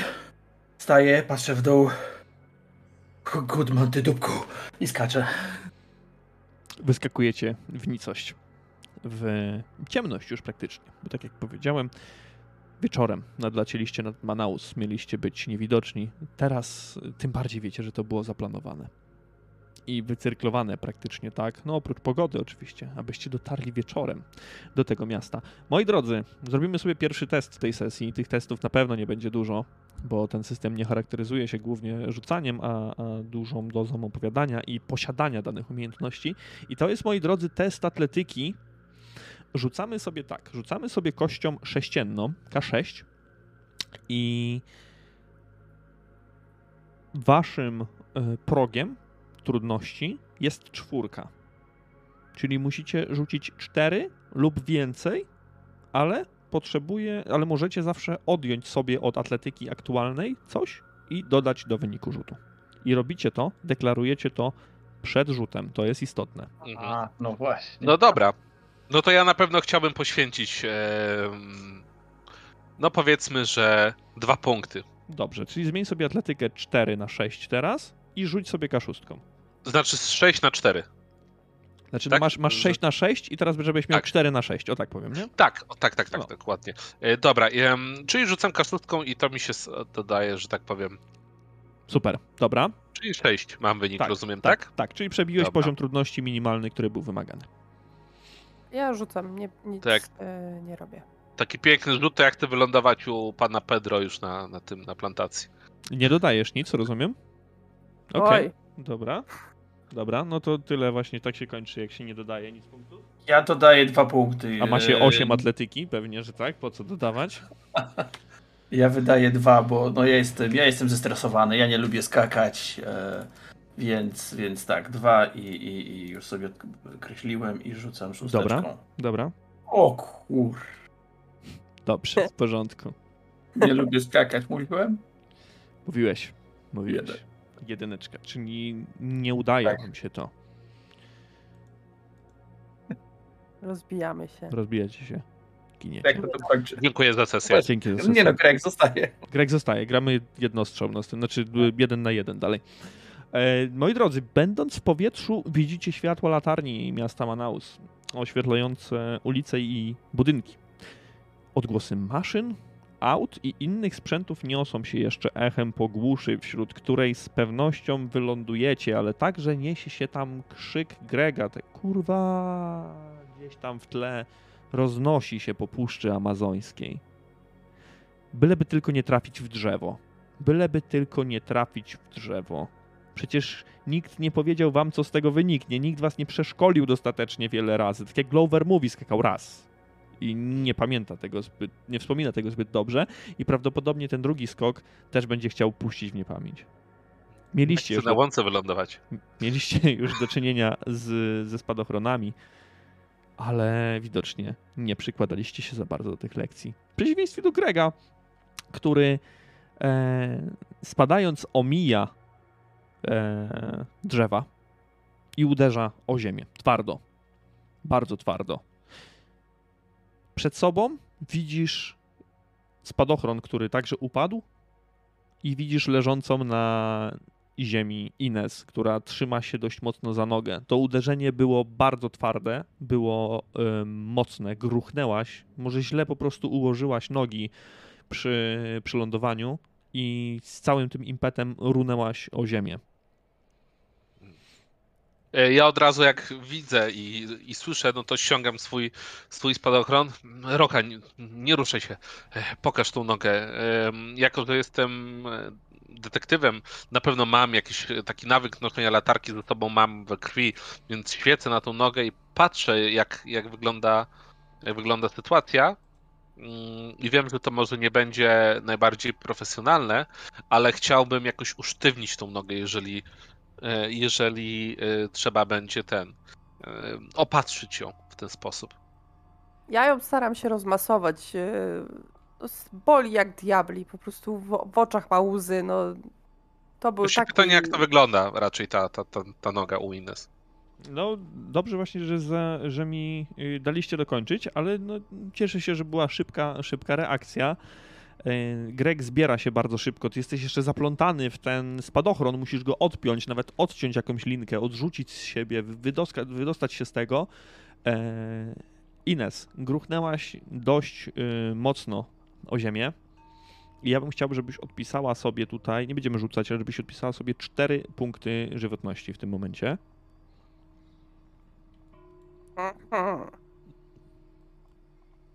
Hej.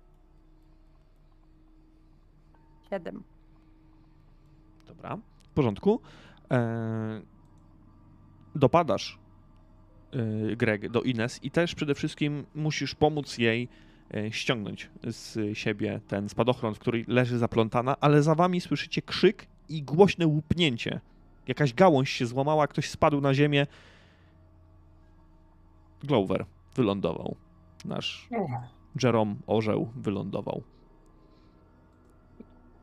Jak krew, pieprzona Amazonia, pieprzony Goodman. I roz- masuje cały czas tą obolałą nogę, jakby wmawiając sobie, że, że to pomoże, że jak wy będę to masować wystarczająco mocno, to zaraz przestanie boleć. Dobrze. E, Jerome, ty sobie odpisujesz e, piąteczkę. Mm. Kiedy pomogłem e, Ines mm, rozplątać się z tego, mm, z tego spadochronu, właśnie odciąć i słyszę ten, ten, ten właśnie e, krzyk naszego tutaj amerykańskiego bielika orła, to chcę od razu też podejść do niego mm, i tak, tak samo rzucić okiem, sprawdzić komu bardziej jest potrzebna e, pomoc od razu. No i chciałbym też e, im obu um, udzielić e, pierwszej pomocy właśnie. Dobrze. Czy pierwsza pomoc u ciebie jest umiejętnością ogólną, jak mnie mam, tak? Tak, mam ją na 6. Dobra. I zaraz sobie sprawdzimy, gdzie mamy pierwszą pomoc. E, Ciach, ciach, ciach. Gdzieś mi się zgubiła ta pierwsza pomoc. Ona jest w General. Dobra. General i zaraz sobie muszę ją znaleźć. Jak masz Magic i Hypnosis, tak masz Flink i potem już masz First Aid. I jest pierwsza pomoc, to prawda. Ja sobie chcę pierwszą pomoc znaleźć też tak o tutaj. Yy, dla siebie.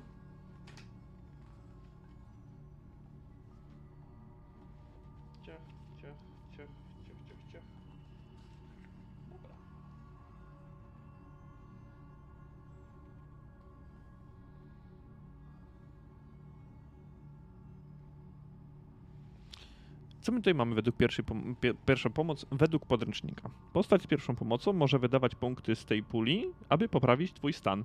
Za każdy wydany punkt odzyskujesz dwa punkty zdrowia, chyba że sam się leczysz, wtedy otrzymujesz tylko jeden punkt zdrowia. Za każdy wydany punkt pierwszej pomocy. No i tak to Mhm. wygląda. Czyli jeden punkcik wydajesz i leczysz dwa punkty obrażeń komuś. Co nie zmienia faktu, że fabularnie oczywiście to też będzie ten ból, ty go, ty go nie uśmierzysz, ale Tak, E, tak. tak jak tutaj mamy, że no nie, roz, nie rozmasujesz y, złamania, tak? Tutaj bez No złamań, tak. się, złamań się obeszło. Te punkty się nie odnawiają co sesję, prawda? Co sesję, co, znaczy tak jakby co, co scenariusz, co sprawy się, się odnawiają. Czyli w naszym wypadku się nie odnawiają. W naszym przypadku się nie odnawiają. No dobra, no to w takim razie nie będę aż tak bardzo szastał, jak wcześniej chciałem, bo jeszcze nie wiadomo co przed nami. E, więc skromnie chciałbym po punkcie wydać zarówno dla, mm, dla jednego, e, jak dla Ines, jak i dla e, Jeroma. Dobra, Bo jednak nie wiadomo co jeszcze na nas czeka, to lepiej mieć w zapasie. dobrze, czyli odpisz sobie dwa punkty, a Tak. Ines i Jerome dopisują sobie dwa punkciki życia. Ja tam Dzięki. oczywiście y, biorę tutaj. Jakoś może nie wiem, e, nie jest nic złamane, sprawdzam czy jest złamane, więc na przykład Jerome odczuwa ból, kiedy e, Greg chwyta tak tą nogę właśnie dosyć brutalnie, sprawdzając czy coś jest złamane, czy nie. Mm, Mo, może kto, ktoś miał może apteczkę, więc mo, może założy jakiś tam taki, nie wiem, bandaż elastyczny czy coś takiego. Tutaj Ines e, mówi, że no tutaj masuje jej tą nogę, musi rozchodzić i będzie żyła. Poświęcasz czas. Poświęcasz czas i uwagę. E, tutaj tylko powiem, no, że Jerome skasował parę gałęzi jeszcze po drodze. E, szczęście w tym wszystkim, że nie zawisł na tym drzewie, bo to byłby dopiero, to byłby dopiero problem. E, spadochron jest porwany.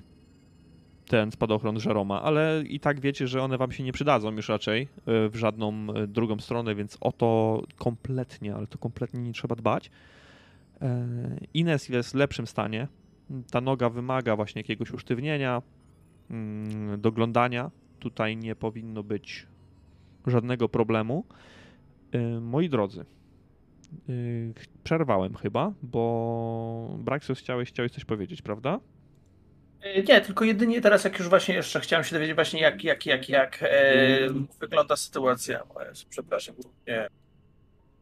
E, jak wygląda sytuacja właśnie, że tak powiem, z, z moimi obrażeniami. Ja sobie po prostu biorę nawet jakiś, znajduję większy kij i będę po prostu nawet od, na razie odciążał też tą, tą nie wiem, ten, ten, ten bok, jak tam przywaliłem w to drzewo, czy, czy, czy, czy też, czy też nogę, jeżeli jakoś tam została uszkodzona. Dla Ines nawet znajduję, jakbyś potrzebowała, to ja kija tutaj ukręciłem. Tak. Przyda się na pewno, dziękuję. Jak wrócimy, to tak skopię po prostu ten biały, tłusty tyłek. W momencie, kiedy Greg się wami zajmuje, mm, czyli najpierw Ines, potem Gloverem, albo na odwrót, to nie ma znaczenia kompletnie, pośród krzewów kawowca zauważacie piętrowy budynek plantacyjny. Wrzucę wam także teraz podgląd.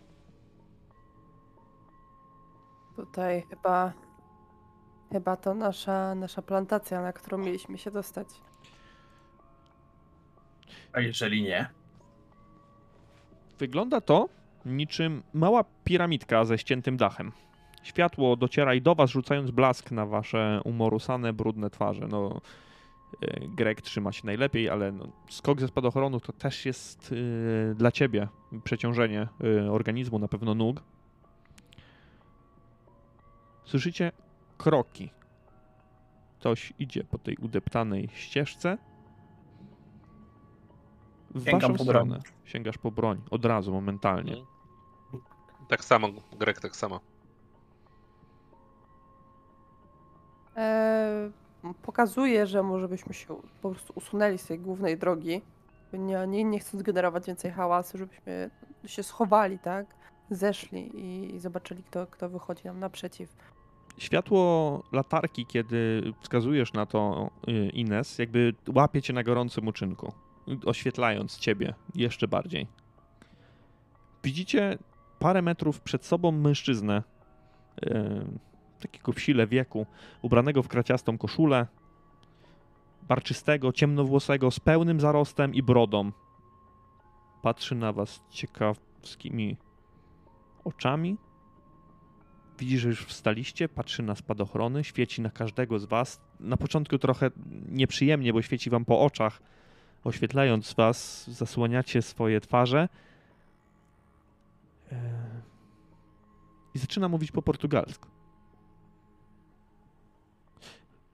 O ile się nie mylę, to czekam na was. Witam w Manaus. Witam. Mhm. No mów, mów. Nazywam się Pedro Gaspar i to jedyne, co rozumie Jerome i Greg. I będę waszym dzisiejszym gospodarzem. Z E- rysopisu pasujecie mi do tych, których mam przyjąć. E, witaj, ja jestem e, Ines Marcia Rosza. Tu jest Greg Thompson i Jerome Glover. E, wychodzi na to, że, Ola. że to my. A na nas czekałeś i my mieliśmy się z tobą spotkać. Wszyscy, Dlatego wszyscy mówią po portugalsku? Tylko ja. To może lepiej będzie, jeżeli przejdę na angielski. On mówi to już w, w języku angielskim, już go rozumiecie. Mm, No to wypadałoby, żebyśmy wszyscy rozumieli. E, Czy my mieliśmy opis, jak on wygląda, albo zdjęcie w tych aktach? Tak, Tylko imię, nazwisko? Tak, mieliście, mieliście zdjęcie jego. I to jest, A, to jest ten czyli- mężczyzna. Okej. E, Pedro Gasparo podchodzi do każdego z was, wyciąga rękę, wita się. Standardowa procedura. E, Zapraszam do posiadłości. Prosimo. Dalej. Napijemy się y, jakiejś dobrej kawy, przygotowaliśmy nieco jedzenia, porozmawiamy o tym, co się dzieje, o jutrzejszych sprawach. Alkohol macie? Oczywiście, że tak. No to dobrze, bo po tym skoku trochę jestem jeszcze roztrzęsiony i wyciągam takie zmięte bardzo, bardzo papierosy. Może są lekko mokrawe od tego, jak się Greg spocił przez, przez ten skok. No i kilka razy próbuję jeszcze odpalić, bo jeszcze tak trochę mu się trzęsą ręce, bo dopiero teraz em, ta adrenalina zaczyna spływać. Odpala i. I Panie, wpatruje się tutaj w Pedro. Gaspar. Jeszcze jestem troszkę roztrzęsiony, tak, Jerome. Mówię, pokazuję, zajmie się pan naszymi spadochronami. Myślę, No, że... Nie martwcie się o to w ogóle. Nie ma żadnego problemu. Zastanawiałem się, jak was tutaj przetransportują. Oczekiwałem jakiegoś promu rzecznego barki, ale spadochron. Też kurwa tego oczekiwaliśmy. No cóż, cóż, no wy Amerykanie lubicie działać e, popisowo, z pompą. Tego nie można wam odmówić. Zapraszam, Właśnie. zapraszam dalej. Nasi przełożeni dbają, żebyśmy mieli dużo atrakcji. Docieracie razem z Pedro do y, właściwej części plantacji. Mężczyzna prowadzi was y, pośród mniejszych jakichś shop, do budówek, y, do tego dużego domostwa, do tej haciendy. Wchodzicie do środka, mm, nie wyczuwając ani trochę amerykańskiego klimatu. Teraz y, wiecie i zdajecie sobie sprawę, że jesteście na innym kontynencie, daleko od domu. Wszystko tutaj jest przyozdobione, wręcz takie przesy- przesycone. Niektóre rzeczy zdają się nawet nie pasować do siebie, są jakby powyrywane z różnych epok, z różnych miejsc na świecie, wsadzone na środek i tyle. Taka mozaika. Ściany są białe, zawieszono na nich całą masę portretów, jakichś ozdób.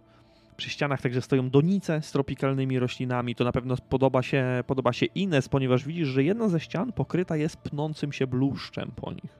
Wygląda to naprawdę, naprawdę przyjemnie e, dla oka. Wszystko jest oświetlone e, lampami. Jest tutaj pełna elektryfikacja, nie ma żadnego pro, y, problemu.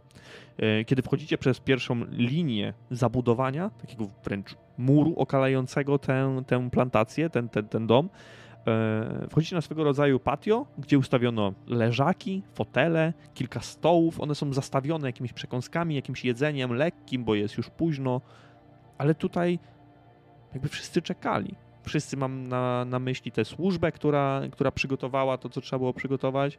No i sam Pedro, który wygląda na naprawdę takiego zamożnego mieszkańca Manaus. Będziecie dzisiaj moimi gośćmi. Jedz, jedzcie, pijcie do syta. E, Przygotowałem dla was także oddzielne sypialnie, żebyście mogli odpocząć. E, Dziękujemy. e, tak, Dzięki. Dziękujemy. Czy ma pan nas instrukcje? Co, co jutro na nas czeka? Gdzie mam się udać i od czego zacząć?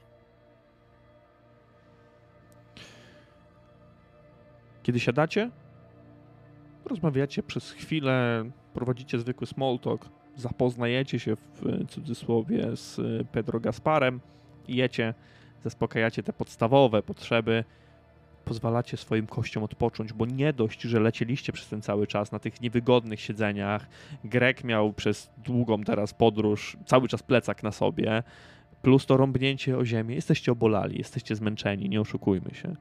A jeszcze czeka was rozmowa, poważna rozmowa, w której wasze mózgi muszą pracować na pełnych obrotach. Jesteście tutaj w jednym celu, wiem o tym. Mam tutaj koperty z zaproszeniami. On podaje wam koperty. Małe, nie takie duże jak mieliście na akta, ale małe koperty, jakby zaproszenie, nie wiem, na, na, na wesele czyjeś. Jutro od godziny 19 w naszej operze Teatro Amazonas rozpocznie się wielkie wydarzenie. Dzień, w którym Manaus odwiedza prezydent Brazylii, Getulio Vargas. Taki dzień jest dla naszego miasta świętem. Dlatego też w teatro zapowiedziano kilka sztuk i występów. I wy tam pójdziecie.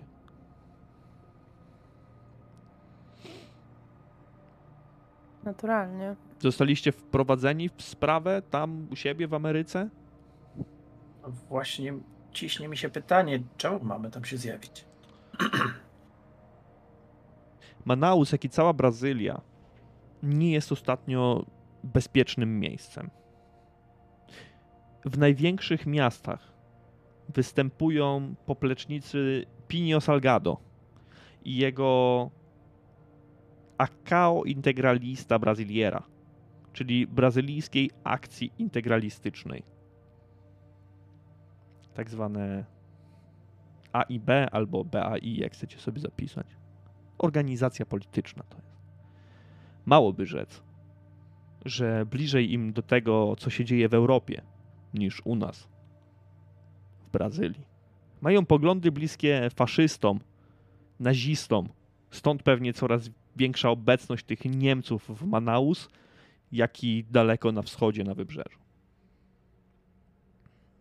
Jeśli nie zostaliście wprowadzeni w Ameryce, to powiem wam jeszcze, że musicie uważać na zielone koszule tak mówią na organizację paramilitarną BAI.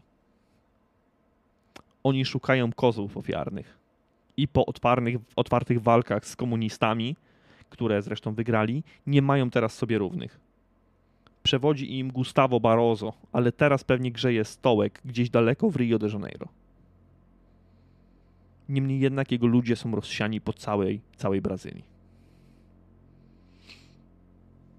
Pedro Nie- rozsiada się nieco bardziej w fotelu. Gdzie oni operują? W jakichś, biegają w jakichś dżunglach, czy raczej w miastach? Oczywiście, że w miastach. Są zbrojnym ramieniem partii. A oprócz e, naturalnych zagrożeń, możemy, się możemy oczekiwać czegoś, jakbyśmy musieli się zapuścić do dżungli? Jakichś jednostek paramilitarnych? Sojuszników może? Nic mi na ten temat nie wiadomo. W dżungli różne rzeczy się dzieją. Trzeba uważać jeszcze na tych wszystkich dzikich ludzi, na farmerów. Oni nie lubią, jak się wchodzi do dżungli. Mm. Jeżeli Ach, chcesz jechać do ciekawe. dżungli, musisz zrobić swego rodzaju ekspedycję. Wynająć coś, ruszyć tam, nie wiem, jakimś, jakąś ciężarówką. Przebijanie się tam w pojedynkę to czysta śmierć. Tym bardziej bez przewodnika. A jeśli o przewodniku mowa, jeśli chcecie, mogę przydzielić wam zaufanego człowieka, Marcelo Sampaio. W końcu musicie także zobaczyć ważne miejsca w Manaus. To naprawdę piękny kawał metropolii. Mówi Jak się nazwisko? Sampaio. Sampaio. Mówi się, że w Manaus mieszka ponad 200 tysięcy osób. Oficjalnie. A Nieoficjalnie nieoficjalnie? pewnie więcej. Te wszystkie podmiejskie zabudowania, te lepianki. Tam lepiej się nie zapuszczać. Y, Wiadomo ci coś na temat tych e, dziwnych morderstw? Jakich dziwnych morderstw. Rytualnych, tak ci nam się dodaje. Dostaliśmy takie informacje, że dochodzi do jakichś niewyjaśnionych rytualnych morderstw. Morderstwa popełniają zielone koszule na Bogu ducha w innych ludziach. Potrafią zastrzelić, spałować kogoś na śmierć w ciągu dnia. Od tak. O rytualnych morderstwach wybaczcie, ale niewiele słyszałem. Co prawda jest jeszcze Umbanda, ale nie wiem, czy oni są skłonni do jakichkolwiek agresywnych ruchów. To jest to. Co banda? możesz nam o nich powiedzieć? Umbanda, jak mawiają miejscowi, to sztuka leczenia. Taki pogląd filozoficzno-religijny. Ty, Glover, otwierasz kolejne właśnie. szufladki w swojej głowie teraz. To jest nowy ruch. Względnie nowy ruch.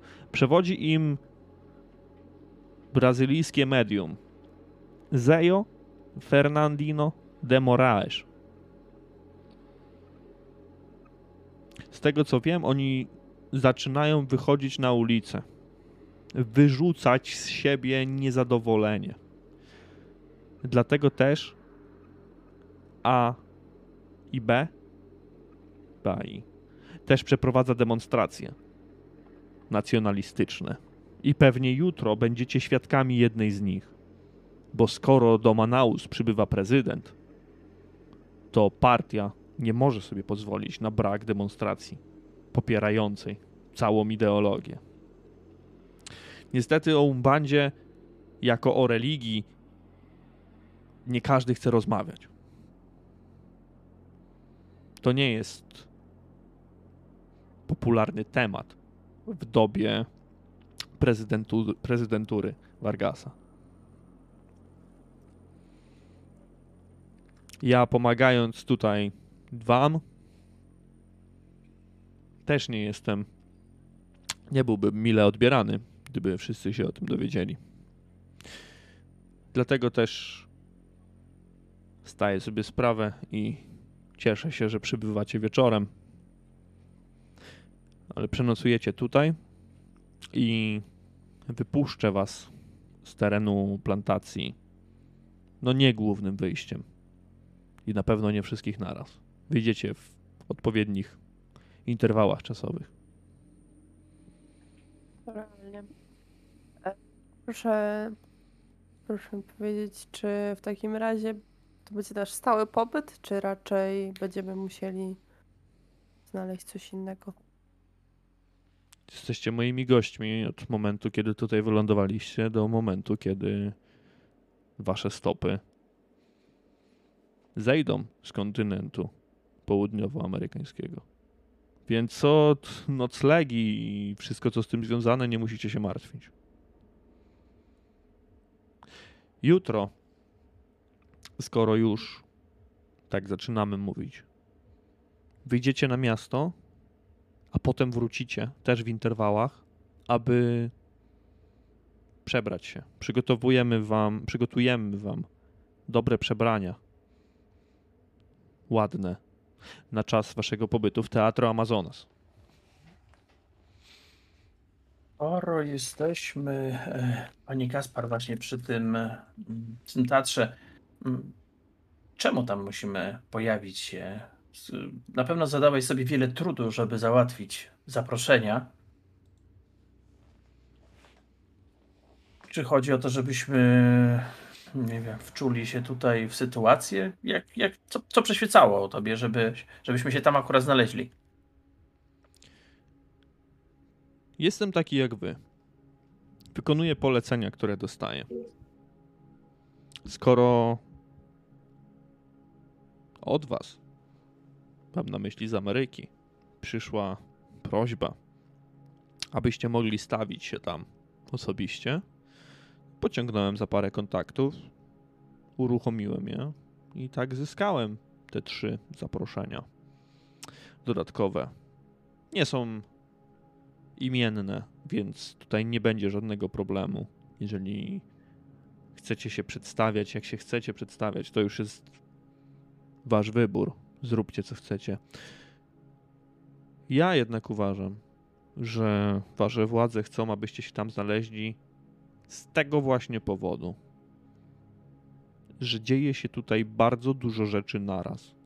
A Teatro Amazonas będzie miejscem, które skupi wszystkie, a być może część najważniejszych osób w jednym momencie. Dlatego trzeba być przygotowanym na wszystko. Jesteście po żadnej ze stron, jesteście po swojej własnej stronie. Dlatego tym bardziej pasujecie, jak ulał, do tego, aby wziąć udział w tym przedstawieniu. Nie będę oszukiwał. Jutro mogą dziać się dziwne rzeczy w Manaus. Dziwne, czyli mam na myśli, nie zdziwcie się, jeśli zobaczycie paradę zielonych koszul. Demonstrację, która swoją agresją może przypominać nawet jakiś bunt. Oni tak działają, tak to wygląda. Trzeba zastraszyć ludność, aby wprowadzić dyktaturę Vargasa na wyższy poziom. A Barroso jest w stanie mu to zapewnić. Co prawda, z tego co dało nam się ustalić, jest jeden plus całej tej sytuacji, ponieważ Pinio Salgado i Gustavo Barroso nie żyją w dobrych relacjach ze sobą. co najlepsze, obaj panowie czyhają na fotel Vargasa. I są jeszcze Niemcy. To wszystko władowali się jeszcze Niemcy. Czy muszę więc mówić więcej? Przyjeżdżacie i mówicie jeszcze o morderstwach, kultach. Jutro Manaus może być jednym wielkim teatrem, a wy jego aktorami.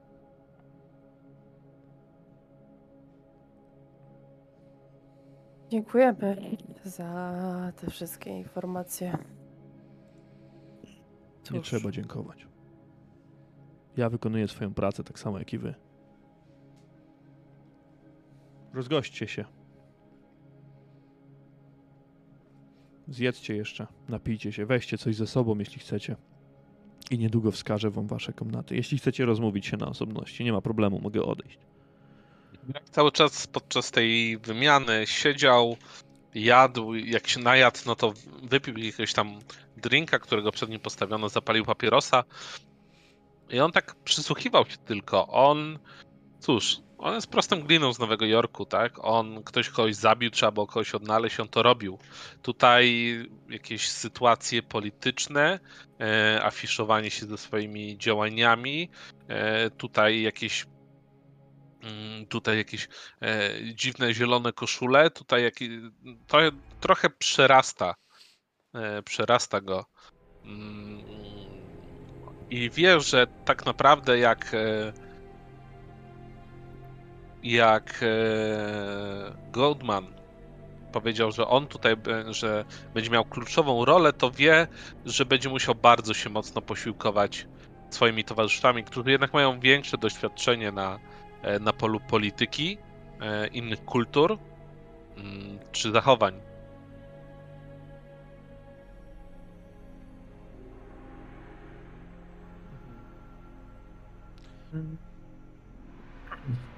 Ja może drinków teraz nie piłem, na pewno dużo wody Jerome wypił, bo zaschło mu w gardle i, i teraz popija, podejrzewam, małe espresso z tej plantacji, bo nie mógł sobie nie odmówić, żeby spróbować od razu gospodarza, że tak powiem, tutaj wyrobów. E, pytam jeszcze panie Gaspar, czy jutro będziemy mieli e, pana Sampaio do dyspozycji, kiedy będziemy tam e, udawać się do Manaus? E, tak. Poinformuję Sampaio, aby oprowadził was po, po ważniejszych miejscach w Manaus. E, jeśli oczywiście tego sobie życzycie, jeśli potrzebujecie takiej opieki z jego strony. Jeśli nie, jeśli poradzicie sobie sami, wystarczy, wystarczy powiedzieć. Patrzę na Ines. Tutaj, Ja bym e, skorzystał. Tutaj mm, pan Sampaio myślę, że będzie, będzie kluczowy dla nas. Wszak e, znam, znam język portugalski, co nieco wiem o okolicy, aczkolwiek e, ktoś stąd będzie zdecydowanie lepszym przewodnikiem niż ja. W porządku, w takim razie myślę, że po waszym odpoczynku w okolicach godziny 10, 11 rozpoczniemy całe zwiedzanie Manaus. Pasuje to wam, moi goście? Jak Oczywiście. najbardziej. Oczywiście. Jak najbardziej, pani Gaspar, jak najbardziej. W porządku. On się podnosi, zapina swoją koszulę do końca. Służba, jeśli będziecie już gotowi, pokaże wam wasze pokoje. Tymczasem życzę dobrej nocy. I mężczyzna odchodzi, zostawiając was samych na tym patio. Gwieździste niebo. Jest już chłodno dość, mimo wszystko jest końcówka września. Wyjście z niebo, nad wami. Te krzewy, pnący się bluszcz, odgłosy owadów. Ale cisza nad Manaus. Wyciąga papierosa, stuka nim o, o, y, o pudełko, zapala i. No i co o tym wszystkim myślicie? Że Goodmanowi to ja już podwójnie skopię dupę. Powiada się więcej pracy niż przypuszczaliśmy. Musimy się mieć na baczności, bo takie polityczne gierki to nigdy nie jest nic dobrego. No tak, Powiem wam, że jedyne polityczne gierki, jakie miałem, to od czasu do czasu na dywanika, na dywaniku u komendanta, kiedy to trochę za bardzo mnie poniosło podczas akcji, ale tak to nie jestem dobry w te gierki, muszę wam przyznać. W razie lepiej zostawić, zostawić te sprawy nam. Wydaje mi się, że tutaj ja i Jerome poradzimy sobie z tym, chociaż mam pewne obawy. Musimy się mieć na baczności. To na pewno. Ja już, ja już czuję gęsią skórkę i domyślam się, że no, nie będzie nam łatwo tutaj e, przemieszczać się, ale wiecie, zastanawia mnie to, że zostaliśmy tu w konkretnym celu przysłani, tak? Mieliśmy wyeliminować tutaj za, z, e, zagrożenie. Chodziło o te morderstwa i teraz okazuje się, że tych morderstw tu jednak nie wiem, nie ma albo jeszcze do nich nie dotarliśmy. Może, może Gaspar o nich nic nie wie. I powiem wam szczerze, że no, trafiliśmy, jak na, widzę, jak na razie widzę na, że tak powiem, beczkę prochu, że tak się wyrażę. I na niej siedzimy. Ja mam pytanie meta Mhm. w takiej zasadzie, czy tutaj wychodzą moje braki historyczne, ale czy no, mam, jest już informacja taka ogólna, że no, faszyści tam, e, trzecia Rzesza się interesuje takimi dziwnymi rzeczami, mm, że tak powiem, odchodzącymi od normy, takimi właśnie związanymi z, z okultyzmem i tak dalej. Czy mamy już taką informację? ogólnie, czy, czy to raczej e, później się. Wiesz, to, to, nie są, mm, to nie są kompletnie braki historyczne tak naprawdę, tylko to jest e, niszowa bardzo informacja, dziedzina.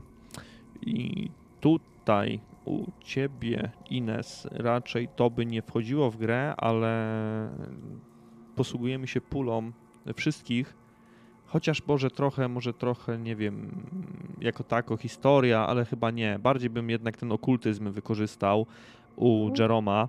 E, Jerome, to jest istotna informacja, którą teraz też Ines podsuwa, więc ten jeden punkcik, e, proszę ciebie o odpisanie z Tak, okultyzmu. tak, tak, oczywiście, jak najbardziej.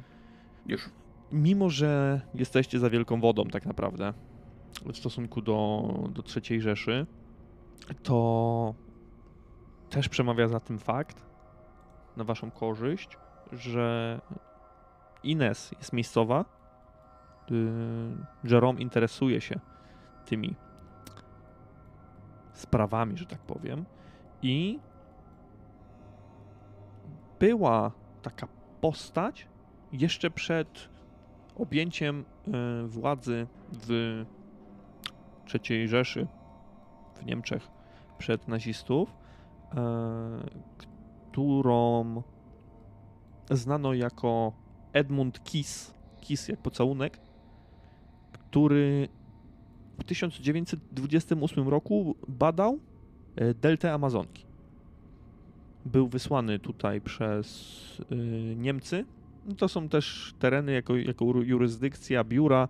Na pewno była w jakiś sposób zauważana, e, a została zauważona dlatego, że tutaj powinniśmy sobie na mity rzucać w jakiś sposób albo mieć te mity, ale w związku z tym, że to jest jednostrzał, nie widzę, nie widzę problemu, że ogromna wiedza okultystyczna e, u Żeroma, bo Żerom, ile ty miałeś e, okultyzmu? Sześć. Sześć? Sześć. Sześć? Dobrze.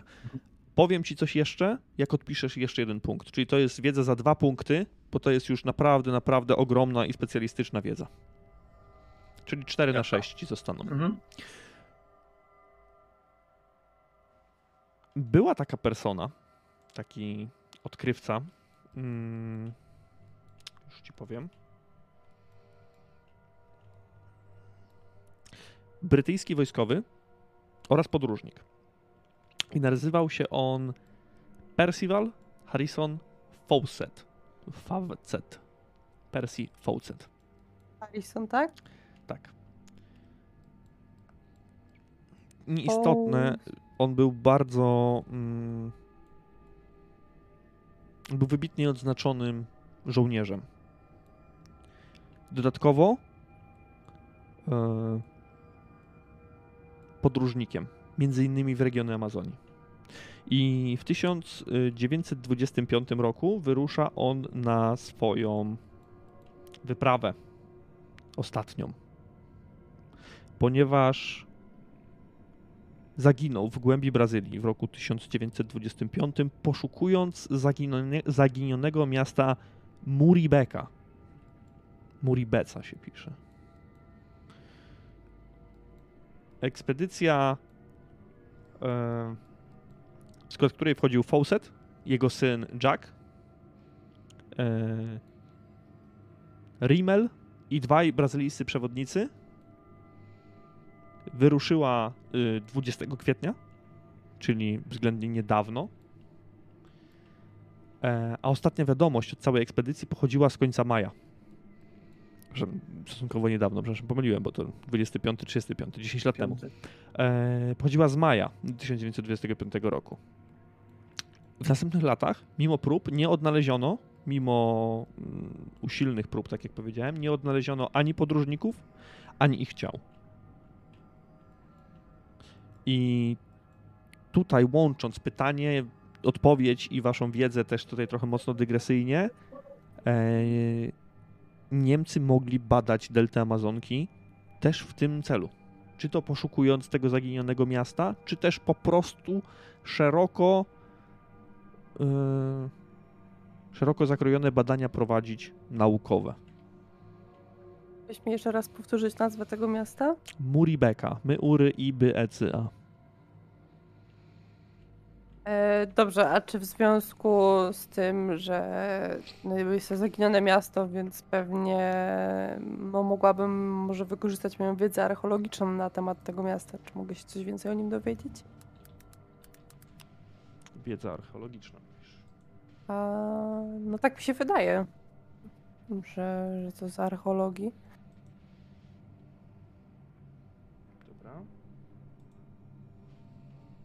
E, to miasto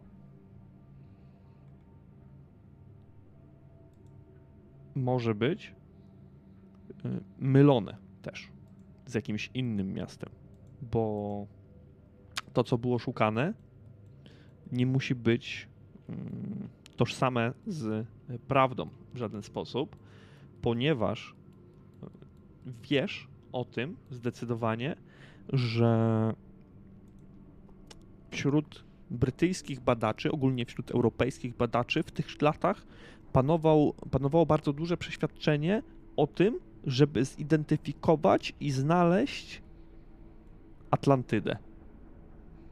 Zaginione, zatopione miasto, czyli taki święty gral wszelakich badaczy, archeologów. I to miasto Muribeka mogło być właśnie yy, utożsamiane z tym. Ale nie pasuje ci jedna rzecz. Jeżeli miasto zatopione, prawdopodobnie na wybrzeżu, a jesteście w sercu Amazonki, jakieś 1200 km od wybrzeża brazylijskiego.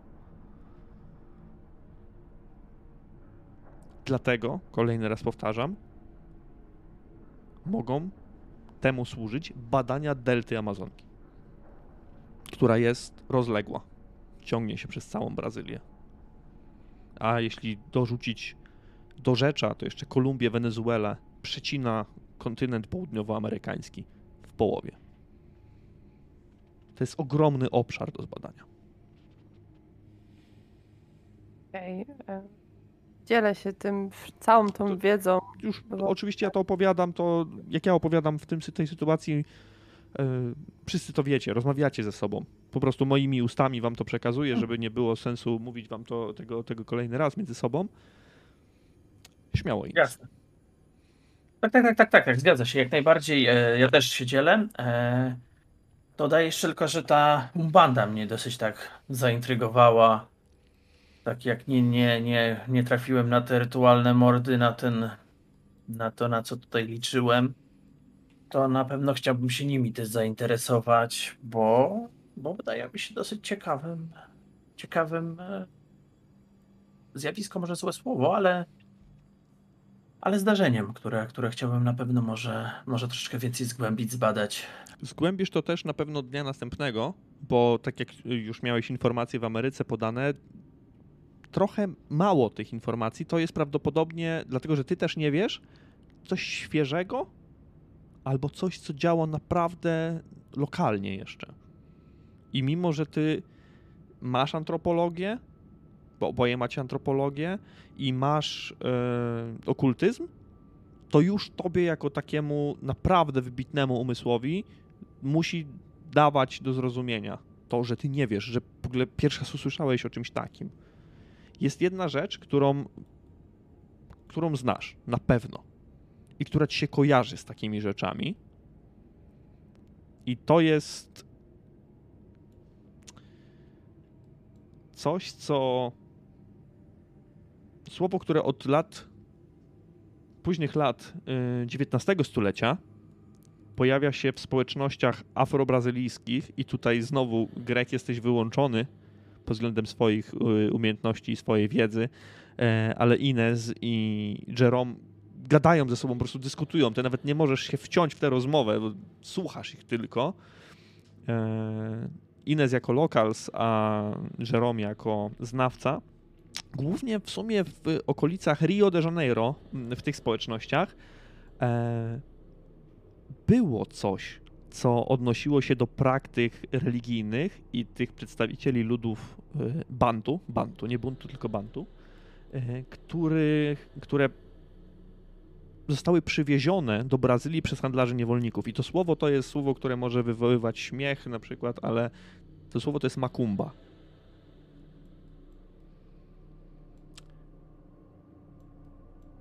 Ono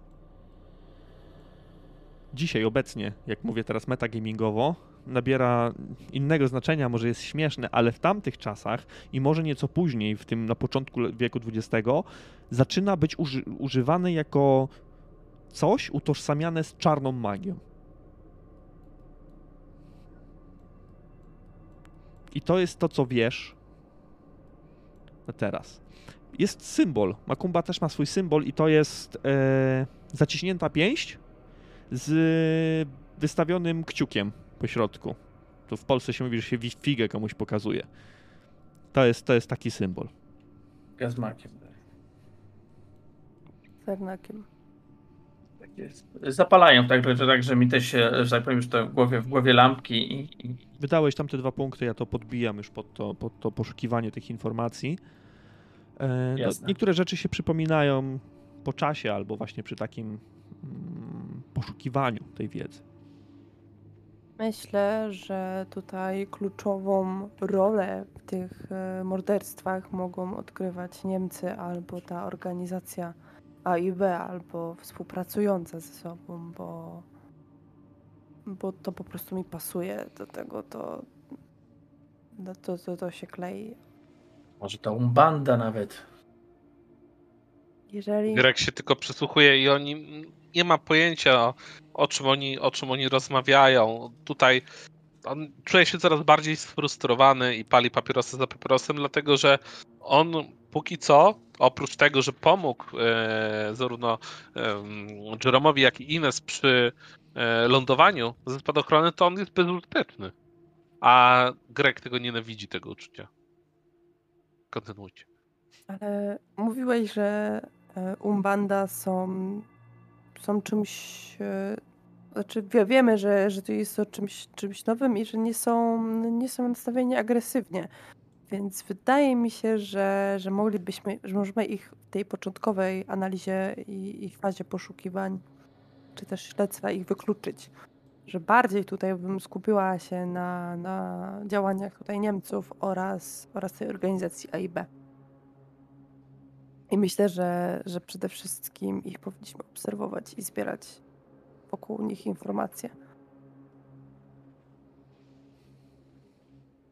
No dobra, jasne. Myślę, że sam Pajo jutro nas wprowadzi. Eee, że tak powiem, zobaczymy jak to wygląda na ulicach, tak? Bo jeśli dobrze rozumiem, mamy dwie to takie frakcje, te zielone koszule i, i tych, tych AKO, tych AKADO, tak? E, I To są tą- oni, tak będą- to są oni. A, to jest jedna organizacja. Zielone, zielone koszule są y, zbrojnym ramieniem tej, tej partii, tej AIB. Eee, aha, okej. A Pino Salgado? Pino Salgado Jest- jest... przewodniczącym partii AIB, a Gustavo Barroso jest przewodniczącym tych zielonych koszul. Czyli są w tej samej partii, ale zaczynają się ścierać między sobą. Okej, okej, dobra, dobra, bo ja to rozdzieliłem ich. Dobra, rozumiem, okej. to jest... Słusznie ich rozdzieliłeś, ale są w ramach, tak jakby są po tej samej stronie jeszcze. Mhm, mhm, mhm. Rozumiem, rozumiem, okej. No, no, a możecie mi podać jeszcze raz, yy, jak się nazywali ci przedstawiciele, bo ja tego nie mam, ale ty sobie zanotować. Dobrze. E, liderem partii no. AIB jest Pino Salgado. Salgado. Tak. Jakiś mezalians jest z nazistami, coś tutaj. No, a ten drugi? A drugi to jest Gustavo Barroso przez dwa S. Barroso. On jest liderem zielonych koszul. Mm. Okej. Tak, y, myślę, że tutaj to jest. Że to tutaj pomiędzy w ich szeregach się, się, się coś, coś dzieje. Dobra. No dobra, nie wiem jak wy, ale ja już padam po prostu. Tak, tak. Ja też udam się już na do swojej, do swojego pokoju. Jutro ciężki dzień. Trzeba wypocząć i być w pełni sił. Panowie, wstaję. Żegnam. Proszę się. Oni w sumie pogadali ze sobą, a Greg, ty tak siedzisz, wypaliłeś papierosy za papierosem, coś zjadłeś, coś popiłeś, ale tak jakby nie było ciebie w tej rozmowie fizycznie. Oczywiście analizowałeś to, słuchałeś, więc masz te informacje, zebrałeś to. Nawet twoja umiejętność zbierania dowodów i łączenia ich w jedność jest chyba lepsza niż u, e, u pozostałej dwójki, więc ty możesz szybciej zauważać jakieś połączenia w tym wszystkim tak jak e, ta organizacja brazylijska, od razu połączenie do, do Niemiec, do faszystów we Włoszech, w, w Niemczech, e, razem z tym prezydentem Brazylii, ten widoczny już praktycznie rozłam w partii brazylijskiej, teraz jeszcze te, te rzeczy okultystyczne, na których się nie znasz, ale jeżeli wiesz ze swojego doświadczenia, że jeżeli wchodzi w grę jakaś religia, jakieś małe ruchy religijne, to one też często, często bywają niebezpieczne tutaj z jednej strony twoi współtowarzysze od razu dają ci do zrozumienia, że coś jest nie tak z tą partią. Po, posługując, y, polegając na wiedzy Żeroma, możesz trochę tą bandę odrzucić na bok, bo jest ona, chciałbym powiedzieć pacyfistyczna, ale jest właśnie taką kulturą, y, kulturą takim ruchem y, o leczeniu, tak? Nie jakimś, mm, jeśli mogę użyć tego stwierdzenia, nie terrorystycznym. Może siedzisz nawet jeszcze chwilę dłużej, kiedy oni poszli, w takim zamyśleniu, dopalasz tego papierosa, już automatycznie sięgasz po następnego, widzisz, że już praktycznie nic nie masz. Jesteś w Brazylii, tutaj nie ma problemu z jakimś tytoniem, nawet z dostaniem jakiegoś cygara. Służba jeszcze się krząta. Więc po chwili ktoś ciebie pyta, czy dolać czegoś, czy coś przynieść. Wy wygląda pan na e, zamyślonego. Zaprowadzić do pokoju? On tak przez chwilę nawet nie, nie zarejestrował, że ktoś do niego mówi. Yy, I jak faktycznie yy, skończy tego papierosa, to gasi go w popielniczce. Już to, jest taki jeżyk w tej popielniczce i wszystkie papierosy należą do Grega. Yy, tak, proszę wskazać mi pokój i jeżeli mógłbym poprosić na jakąś paczkę, paczkę papierosów. Y, Dobrze, oczywiście, zaraz, zaraz przyniosę. Y, Zapraszam za mną na piętro. Podążam. Dobrze. Prowadzi cię, odprowadza cię do pokoju. Macie trzy pokoje obok siebie. Takie gościnne sypialnie, naprawdę o wysokim standardzie. Miękkie, wygodne łóżka, takie z baldachimami, z typowym przesytem charakterystycznym dla telenoweli półno- południowoamerykańskiej. Wszędzie pełno poduszek, można się ułożyć, zasłony w oknach, toaletka, jakaś komoda, dywan i to nie byle jaki. I służba wręcz na skinienie palca, jeżeli tylko coś będzie potrzebne. A wasze ciała potrzebują tego, potrzebują tego odpoczynku. Eee, Pieli? Dokładnie, dokładnie. Kąpiel, ciepła woda, paczka papierosów dla Grega i regularnie, regularnie opróżniana popielniczka. Jedzenie, napitki, to nie ma żadnego problemu tutaj. Jesteście gośćmi Pedro Gaspara i on chce pokazać przed wami, przed amerykańskimi gośćmi, czy też amerykańsko-latynoskimi, jak, może nie jak ważny jest, ale jak ważni wy dla niego jesteście tutaj. On współpracuje z, z rządem Stanów Zjednoczonych i to, jakie wrażenie zrobi na was, to też pokaże z pewnością wasz raport po tym, jak wrócicie do Stanów. Kochani, przeskakujemy do następnego dnia. 30 września 1935 roku zapowiada się na słoneczny dzień. Przelotne opady deszczu srosiły tutejszą florę i pozwoliły odetchnąć. Jednakże zdecydowana, zwiększona wilgotność powietrza daje o sobie znać. Widzicie, czujecie tą różnicę pomiędzy Stanami, pomiędzy tym pyłowym, piaszczystym Nowym Jorkiem, a bardzo, bardzo wilgotną Brazylią. I tutaj na pewno najlepiej, czy to całą podróż, czy też akomodację do tego, zniosła Inez. Ona się czuje najlepiej. Przebrani w tutejsze stroje, jesteście gotowi do wyruszenia na podbój Manaus. Pedro przygotuje wam także, tak jak wspominał, odpowiednie stroje na wieczór, więc nie musicie się bać o własną aparycję na potem. Najpierw jednak młody mężczyzna, latynoamerykański bez żadnego zarostu, im nazwiskiem Sampaio, będzie oprowadzał was po mieście. Dobra. Moi drodzy. Ruszamy sobie na podbój. Na podbój Manaus. To, co widzicie teraz e, na streamie, to zdjęcie, to jest jedna z e, typowych dróg w centrum tej miejscowości. Są różne drogi. Tutaj można sobie e, łamać język, e, do czego dotarłem, na przykład Rua Lobo d'Almada, Rua Enrique Martins, Avenida Eduardo Ribeiro. I to, to jest to, co widzicie teraz na zdjęciu, to jest ta Avenida Eduardo Ribeiro. Drogi w świetnym stanie, zelektryfikowane. Manaus posiada tramwaje elektryczne. Z bruku wystają niskie drzewa i przycięte są na kształt kwadratu. To, co widzicie, charakterystyczne, na pewno się od razu rzuca w oczy. One nie są naturalnie rozłożone, tylko mamy takie bryły z tych liści i z koron e, drzew. I to dominuje w krajobrazie Manaus. E, Co chwila ktoś się przekrzykuje, używa klaksonu, przepycha, jednakże nie wyczuwacie w tym mieście żadnej aury niepokoju, nienawiści, wrogości, a mieszają się tutaj różne kultury, czy też kolory skóry, najróżniejsze. Od tych, które przypominają kolor skóry Grega, czyli ten najbielszy wręcz, po te ciemne e, Jeroma. Bo Jerome jest czarnoskórym mężczyzną, prawda? Dobrze. Zdjęcia robię. Co takich, takich powiedzmy highlightów, ważniejszych rzeczy. Ja mam, mm, to już mamy 35, więc już są, jest, jest, jest aparat z kliszą. Mam Kodaka Retina 1.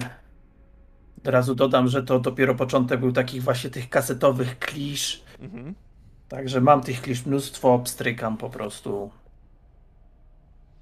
No tak, ale to początek, ale jaka tutaj już jest wygoda? Możesz nosić ze sobą, nie musisz ustawiać, naświetlać nic, nie musisz się chować za niczym, żadnego dymu. Po prostu cykasz zdjęcie i nie musisz się bać, że co któreś dopiero się uda. Tutaj zdecydowanie też efektywność tych e, aparatów fotograficznych wzrasta. Zdecydowanie. Przechadzacie się. Mężczyzna pokazuje wam różne miejsca, opisuje różne budynki, które. Nie wiem, czy ktoś z was był w Europie. Jeszcze sobie odpowiemy na to pytanie, ale zdecydowanie bardziej przypominają te europejskie budowle niżli amerykańskie. Albo mm, Ines, u ciebie ta różnica mm, też jest widoczna. Ty bywałaś, byłaś już prawdopodobnie kiedyś w Manaus, nie oszukujmy się, e, ale widzisz też postęp, jaki następuje w mieście, nawet na przestrzeni kilku lat. Powiedzmy, że byłaś parę lat temu w Manaus. Widzisz tą różnicę, widzisz tą w pełni, te w pełni zelektryfikowane tramwaje. No jest, jest postęp cywilizacyjny tego miasta, który mimo wszystko trochę wyhamowuje, bo dopływ pieniędzy zaczyna się zmniejszać. Ruszacie y, w stronę, w stronę portu. Pozwólcie, że pokażę port.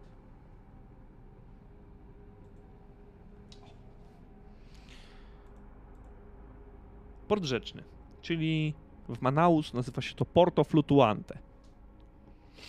Odgłosy syren portowych docierają do waszych uszu w miarę zbliżania się do rzeki. Prasa dos Remedios, czyli swoista promenada prowadząca w stronę wybrzeża, tętni życiem. Liczne targi rozstawione po obu stronach placu zachęcają do odwiedzenia i zaopatrzenia się w świeże produkty. Sam port jest jednak miejscem pełnym pracy fizycznej. Tutaj dominuje już kult pracy. Oprócz tego miesza się on ze smrodem ryb i obłoków pary unoszących się z kominów statków rzecznych. Słyszycie te syreny, koła parowe mielą tę wodę, kiedy jeden ze statków załadowanych transportem, ale także ludźmi wyrusza na rejs po Amazonce. Gdzieś w oddali zauważacie miejsce, którym, którym zarówno młody Sampaio, ale także Ines wam je wskazuje. E, zauważacie miejsce, w którym Rio Negro, czyli rzeka Czarna, łączy się z Solimoes. I widzicie na, na waszych oczach, widzicie powstanie tak naprawdę Amazonki. Robię tutaj skrót, bo to miejsce znajduje się dużo dalej tak naprawdę, ale także w okolicy Manaus. E, Ale żeby wam uzmysłowić to, jak to wygląda, elementem turystycznym Manaus jest widok mieszania się dwóch rzek ze sobą. Ponieważ te rzeki łączą się, tworząc główną Amazonkę, jedna z tych rzek ma kolor niemalże ciemny, brązowy, a druga jest jasna, jest praktycznie przezroczysta. I to mieszanie, jakbyście farby zmieszali ze sobą, cały czas następuje, one się łączą w jedną rzekę. To jest hipnotyczny stan, wręcz taki spokojny, kiedy patrzycie na to, kiedy te wody przelewają się. Ale z tego stanu wyrywa was odgłos szarpaniny dwóch mężczyzn. Pieprzony komunisto! Oddaj, co zabrałeś! To moje narzędzia! Nic nie zabrałem, człowieku! Zostaw mnie! Zaczyna dochodzić do przepychanek niedaleko was. I zaczyna w nich uczestniczyć coraz więcej osób, ponieważ ta gorąca krew Brazylijczyków daje o sobie znać. Rzucają się na siebie ludzie, jakby znikąd. Przed chwilą tutaj był spokój, ludzie sprzedawali coś, pracowali ze sobą, ale teraz rzucają się na siebie i zaczynają się okładać pięściami. Ktoś coś łapie, uderza w kogoś deską. Ale kiedy odwracacie się w tamtą stronę, słyszycie gwizdki. I spośród tłumu wybiega kilkunastu mężczyzn uzbrojonych w pałki. I teraz doskonale widzicie te zielone, ciemnozielone koszule, które oni mają ubrane na sobie. Bez pytania zaczynają okładać wszystkich pałkami, aby ostudzić emocje. Jednakże tego, który został nazwany komunistą i zostaje jeszcze wytykany palcami przez tamtego, który oskarża go o kradzież narzędzi, tamtego, który został nazwany komunistą, okładają jeszcze kilka razy, kilka razy mocniej. Mężczyzna pada na kolana, ocierając twarz z krwi spluwa w błoto, które tutaj jest charakterystyczne w tym porcie, a ludzie zaczynają się rozchodzić po chwili, jakby nic poważnego się tutaj nie wydarzyło. Nie robię temu zdjęcia. Tak jak widzę, że te zielone koszule pojawiły się, to Jerome od razu chowa aparat. Nie chce, nie chce przyciągać uwagi. Jak się przygląda temu i ze smutkiem przypomina sobie wszystkie akcje, które były podobne, na przykład w Harlemie, jeszcze nie tak dawno temu, w Nowym Jorku, kiedy to policja bądź nawet biali, biali mieszkańcy w podobny sposób traktowali czarnoskórych mieszkańców Harlemu. Przypominasz sobie to i myślisz przez chwilę o Harlemie, ale w Harlemie nie było tego, co widzisz tutaj. Mężczyzna, dysząc, unosi się z trudem na nogi, ledwo się trzyma, jest tak poobijany, ale wykrzykuje jeszcze w stronę zielonych koszul. Nas, w przeciwieństwie do was, prowadzi Umbanda. Nie pokonacie nas wszystkich. I na waszych oczach mężczyzna wysupłuje z nogawki mały pistolet i mierzy nim w plecy jednego z członków zielonych koszul, który, słysząc to, co on mówi, odwraca się w jego stronę.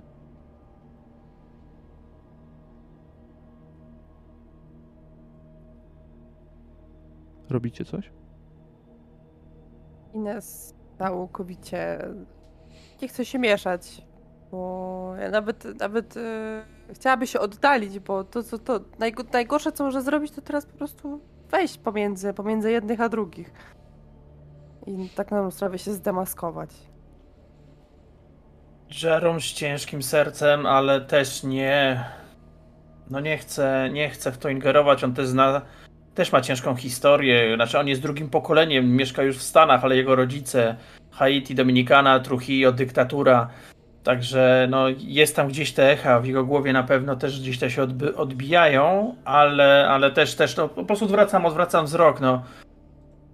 Mm. Nie, nie, nie ingeruję. Greg e, podczas pracy w policji nauczył się, że wie kiedy działać, a kiedy być, być pasywnym. I to jest właśnie ten moment, kiedy, kiedy Greg musi być pasywnym, dlatego że wie, że gdyby się wtrącił w tą całą sytuację, to konsekwencje mogły być e, cóż, bardzo, bardzo złe. Myślę, że tutaj. E... Moi drodzy, tylko kwestia No. jeszcze jedna.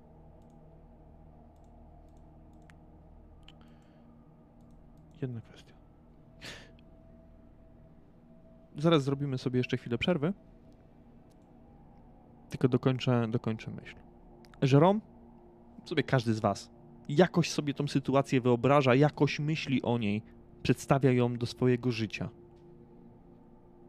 Żerom, ty myślisz o dokach Port-au-Prince, stolicy Haiti. Od razu z opowieści, z jakichś wspomnień może jeszcze Żeroma, przypominasz sobie to, to, to są obrazki, które jeśli tylko zmienisz religię, jeśli, przepraszam, zmienisz religię, zmienisz miasto, państwo, e, system, one są uniwersalne, jednoznaczne. Kiedy patrzycie na to, ale odchodzicie już powoli, pada strzał, a mężczyzna w zielonej koszuli, łapiąc się za klatkę piersiową, nie dowierza wręcz, a drugi strzał w szyję dobija go praktycznie na miejscu. Pozostali członkowie Zielonych Koszul dopadają do tego dzierżącego pistolet i zaczynają okładać go pałkami. Tu już nie ma litości. W końcu jeden z nich także wyciąga broń krótką i do tego dogorywającego pracownika portu wymierza jeszcze kilka strzałów. Kiedy ten przestaje się ruszać. Członkowie Zielonych Koszul od razu patrzą na wszystkich dookoła, czy aby nie zwrócili czyjejś uwagi, ale wy nie patrzycie, wy jesteście już kawałek dalej wręcz. Tym bardziej, że Sampaio odciąga was, odciąga was z tego miejsca. Y, to Ruszamy, ruszamy w stronę biblioteki, to, to nie jest dobre miejsce teraz. Odciąga was. I moi drodzy, na życzenie Bucza parę minut przerwy. Zostaliście odciągnięci przez waszego przewodnika z, od strony portu. W stronę, w stronę biblioteki. Ten przemarsz zajmuje wam parę, paręnaście minut. Tak jak mówiłem, Manaus jest dużym miastem. Blisko 200 tysięcznym.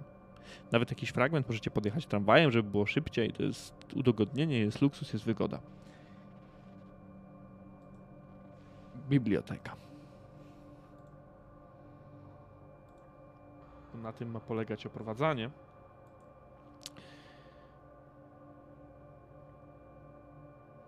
Biblioteka miejska, czyli z portugalskiego Biblioteca Publica do Estado. I nieopodal tego gmachu, zwanego miejską biblioteką publiczną, czyli dwupoziomowego budynku w kolorach szkarłatu i bieli, zauważacie rozsypane na drodze księgi. Ludzie znoszą je z okolicy i wrzucają na stos, który zaczyna się powiększać coraz bardziej, czy to na waszych oczach. Do waszych uszu dociera głos mężczyzny stojącego na podwyższeniu. Około 40-letni jegomość z wąsem i bujnymi zakolami. Ubrany w garnitur, przemawia do ludności zgromadzonej tutaj, nieopodal. Jedna rzecz tylko.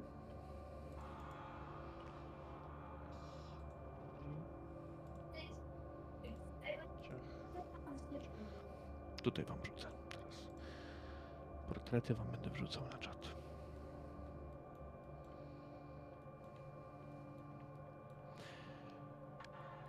Musicie uwierzyć.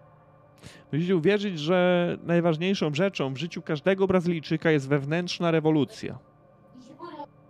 Tylko po zmienieniu siebie samych będziemy w stanie pracować na ideał państwa. Każdy z nas musi w końcu przestać myśleć o sobie samym. To my, Brazylieros, jesteśmy rodziną. My jesteśmy Brazylią, ojczyzną. Dlatego dzisiaj odrzucamy wartości prowadzące do zła. Odrzucamy zakazane księgi i teksty. Spłoną, wzniecając ogień w nas samych, ale nie dajcie się ponieść. Nie chodzi o nienawiść. Jeden z moich przyjaciół, Gustavo Barroso, chciałby, abyście nienawidzili innych, abyście wygnali ich z własnego kraju tylko dlatego, że wyznają na przykład judaizm. Jesteśmy ponad to. Dzięki wsparciu prezydenta Vargasa wprowadzimy zmiany już na samym szczycie państwa. Zostaniemy jedną, wielką, brazylijską rodziną. Tutaj zaczyna się nasz przemarsz, który zakończymy wieczorem pod Teatro Amazonas. I wy ruszycie ze mną. Ludzie zaczynają skandować imię Pinio Salgado, który skłania się w pas i unosi ręce w geście triumfu, jednak pośród tłumu przebiegają również głosy niezadowolenia. Ktoś wykrzykuje hasła nacechowane bardzo, ale to bardzo pod względem antysemityzmu. A jeszcze inni zaczynają przekrzykiwać drugie imię i nazwisko, czyli Gustavo Barroso. I tłum zaczyna dzielić się jakby na dwie grupy, które zaczynają krzyczeć do siebie, a ten mężczyzna z wąsem jakby do końca nie panuje nad tym, co tutaj się dzieje i trochę usuwa się w cień. Sampaio spogląda się na was i tłumaczy wam w sumie to, co wy już wiecie, że to jest partia brazylijska. Że tamten mężczyzna to Pinio Salgado, przewodniczący, też się tutaj zjawił razem z prezydentem prawdopodobnie. Ale ludzie nie są zadowoleni z tego, jak działają. Ci bardziej nacjonalistyczni, ci bardziej prawicowi odbijają w stronę Barroso. Ale przewodniczącym partii jest Salgado. I tarcia cały czas postępują. Mężczyzna wie, na jakim dystansie trzeba się trzymać. Mimo wszystko oprowadza was, pokazuje wam jakieś parki, rezydencje, pałacyki. Byliście nawet nieopodal cmentarza, szpitala, ale tutaj chcę na zasadzie tych scen pokazać wam nastroje panujące w Manaus, żebyśmy nie opisywali całej podróży po mieście oczywiście.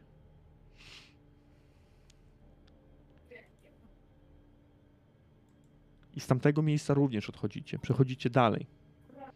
Jakieś wewnętrzne przemyślenia, albo się nimi dzielicie, albo zostawiacie dla siebie, ale widzicie już mniej więcej, jak Manaus wygląda, jak funkcjonuje.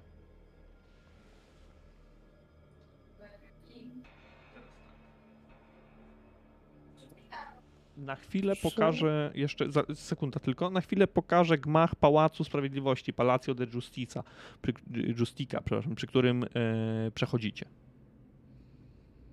To też jest monumentalna budowla. Kolejna. Sampaio, przechodząc obok, przechodzi na drugą stronę, jakby, jakby nie chciał przechodzić za blisko tego, tego, tego budynku.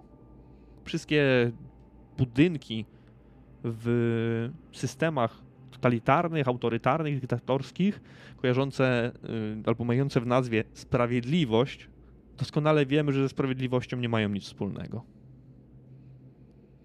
Ale dalsza część wycieczki prowadzi oczywiście dalej, tam, tą stroną, więc Sampaio prowadzi was z boku, przechodzicie przez ulicę, nie ma żadnego problemu, nikt was nie zaczepia, ale przy Pałacu Sprawiedliwości widzicie krzątającą się grupkę zielonych koszul którzy wykrzykują coś do siebie podniesionymi głosami, jakby wydają sobie jakieś polecenia, rozkazy.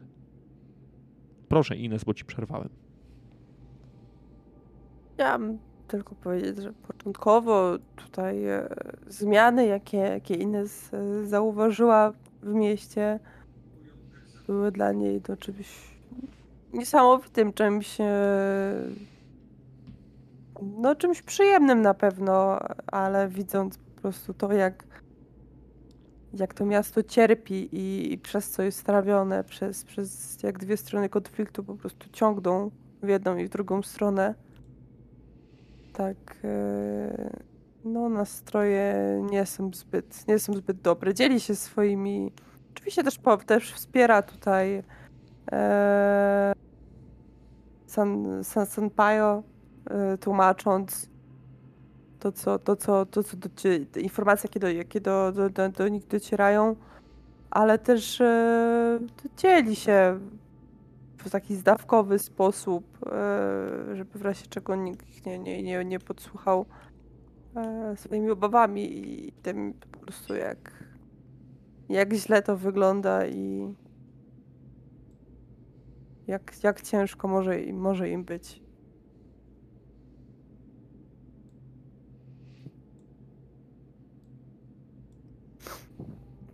Mhm. Greg, Jerome. No, dla Jeroma, tak jak mówiłem, to, to jest za blisko. To jest za blisko tego, co w jego ojczyźnie się dzieje. Więc on na pewno mocno no, teraz to odczuwa, czy odczuwali jego rodzice, on wtedy był dzieckiem. Więc, e, więc na pewno przygasł też, tak. E, I, i, nawet przesadnie reaguje, jak właśnie widzi te, te zielone.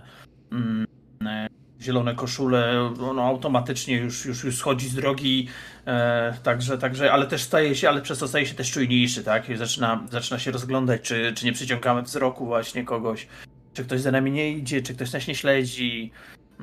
Także, także u niego to się teraz o, troszeczkę objawia taką powiedzmy delikatną e, po prostu paranoją, żeby tylko no, nie wpaść w te tryby tutaj tej, tej, tej maszyny, od której no, udało mu się uciec tak do Ameryki. Greg, e, cóż, on wiele razy działa też pod przykrywką, więc on wie, jak się zachować, żeby nie zwracać zbytnio na, e, na siebie uwagę. Wystarczy jedno spojrzenie na tych ludzi i on wie, że tutaj lepiej to są, to są osoby, które wystarczy krzywo się spojrzeć i już będzie problem, więc e, Greg, podobnie jak, jak, jak Ines i Jerome, po prostu stara się nie rzucać w oczy i nie prowokować nikogo. Ruszacie więc dalej. Sampaio prowadzi was w stronę kolejnej posiadłości.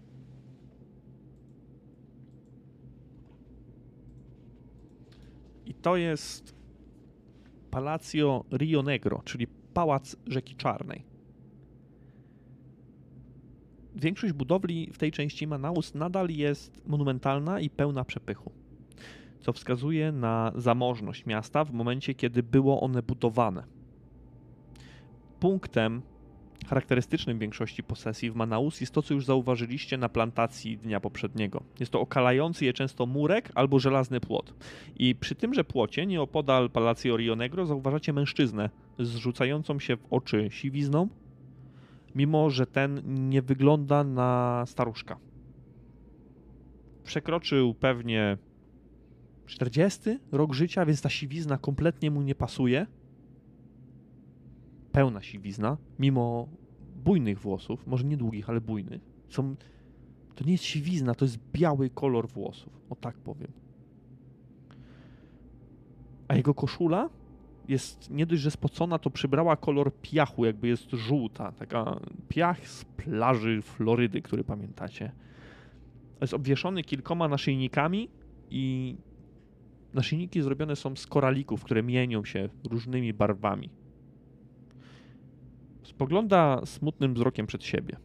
Wprost na ciężarówki opuszczające tereny Palacio. Wyjeżdżające przed wami, kilkadziesiąt metrów przed wami, z tego Palacio, jedna za drugą, wyglądają wam na europejskie. Co każdy z was, co który posiada prowadzenie samochodu bądź mechaniczne naprawy, od razu może stwierdzić, że to są um, ciężarówki nie z tego kontynentu, ani nie z amerykańskiego. Europa na 100%. Jedna za drugą. Wyjeżdżają przez bramę, a następnie w kolumnadzie ruszają kawałek po drodze i zatrzymują się. Jest ich 8, 9, teraz naliczyliście. Ten mężczyzna siedzi na ziemi, opierając się plecami o mur i patrzy na nie. Jako ostatni przez bramę wychodzi mężczyzna ubrany w czarny płaszcz. Jest krótko ścięty. Na nosie posiada cieniutkie, cieniutkie okulary. Okrągłe. Spogląda w stronę bramy, dając znać ręką i wsiada na miejsce pasażera. Wsiada do ostatniej ciężarówki, dziesiątej. Ta odjeżdża, a następnie rusza cała kolumna, ruszając na północ miasta. Znika wam z oczu. Ten siwy mężczyzna wzdycha jedynie, podnosi się z ziemi i otrzepując się, rusza powolnym krokiem przed siebie, jakby zawraca i rusza w waszą stronę. Kiedy spotyka się z wami spojrzeniem, widzicie, że oczy ma jakby za mgłą, jakby miał bielmo na, na oczach. Ale uśmiecha się, mijając was i nawet skłania trochę. Jerome nawet tak automatycznie, tak no, zainteresowała go ta, nie wiadomo czemu, ta postać i nawet mówi mu dzień dobry po angielsku. Mężczyzna zatrzymuje się. Dzień dobry. Obrigado. Znamy się? Nie, nie, nie. Wyciągam rękę Jerome Glover i tak patrzę, czy ten Bielmo to. Czy on reaguje na głos, czy, czy wyciągnie rękę też do mnie? Nie, wyciąga rękę normalnie do ciebie i ściska ją. Zelio de Moraes. Wita się z tobą. I przez chwilę trzyma tę rękę, uśmiechając się w twoją stronę. Ja Widzieliście to samo co ja? Pyta nagle. Tak, to, to jakaś placówka tutaj dy, dyplomatyczna. Jerome zaczyna się delikatnie jąkać, bo wie, kogo właśnie spotkał.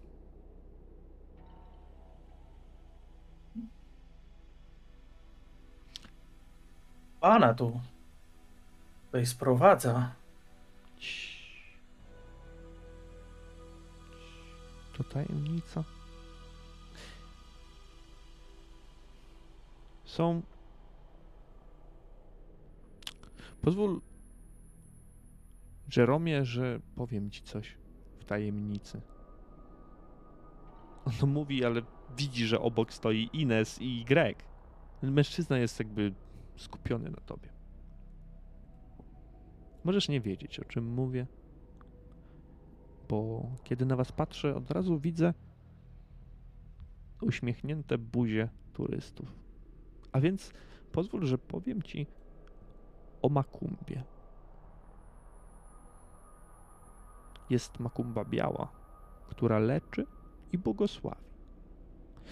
Oraz ta czarna, która sprowadza śmierć.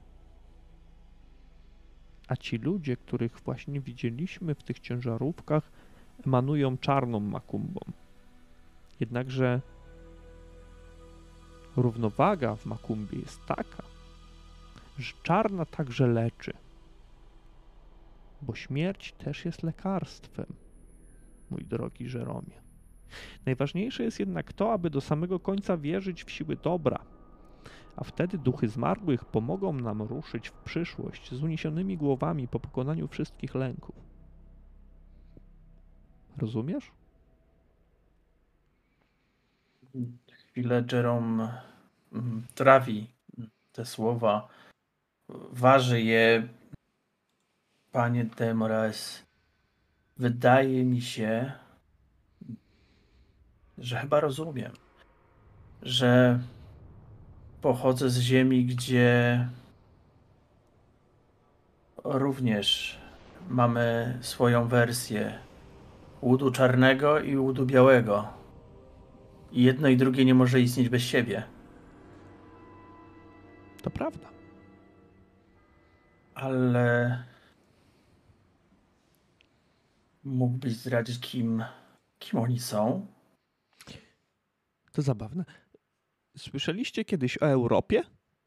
Patrzy się na was, jakbyście byli oderwani w ogóle z tego świata. Patrzy się na Jeroma, na Ines, na Grega. Tak, e, oczywiście, że tak. To taki kontynent za Atlantykiem. On patrzy się na Grega, który mu nie odpowiada.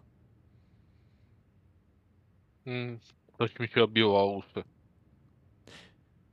Pośród wielu państw znajdujących się tam jest jedno, które do niedawna nosiło miano Republiki Weimarskiej. Ale teraz, od jakichś dwóch lat, każe mówić o sobie Trzecia Rzesza. Ostatnio do Brazylii zaczynają ściągać swoich agentów, jakby czegoś szukali. Stąd te ciężarówki. Skoro obiło wam się o uszy słowo Europa, może Trzecia Rzesza. Słyszeliście kiedyś o Annenerbe? Przyznam się, panie Demoraes, że nie, nie słyszałem. Ja patrzę na Ines, patrzę na Grega. Mm.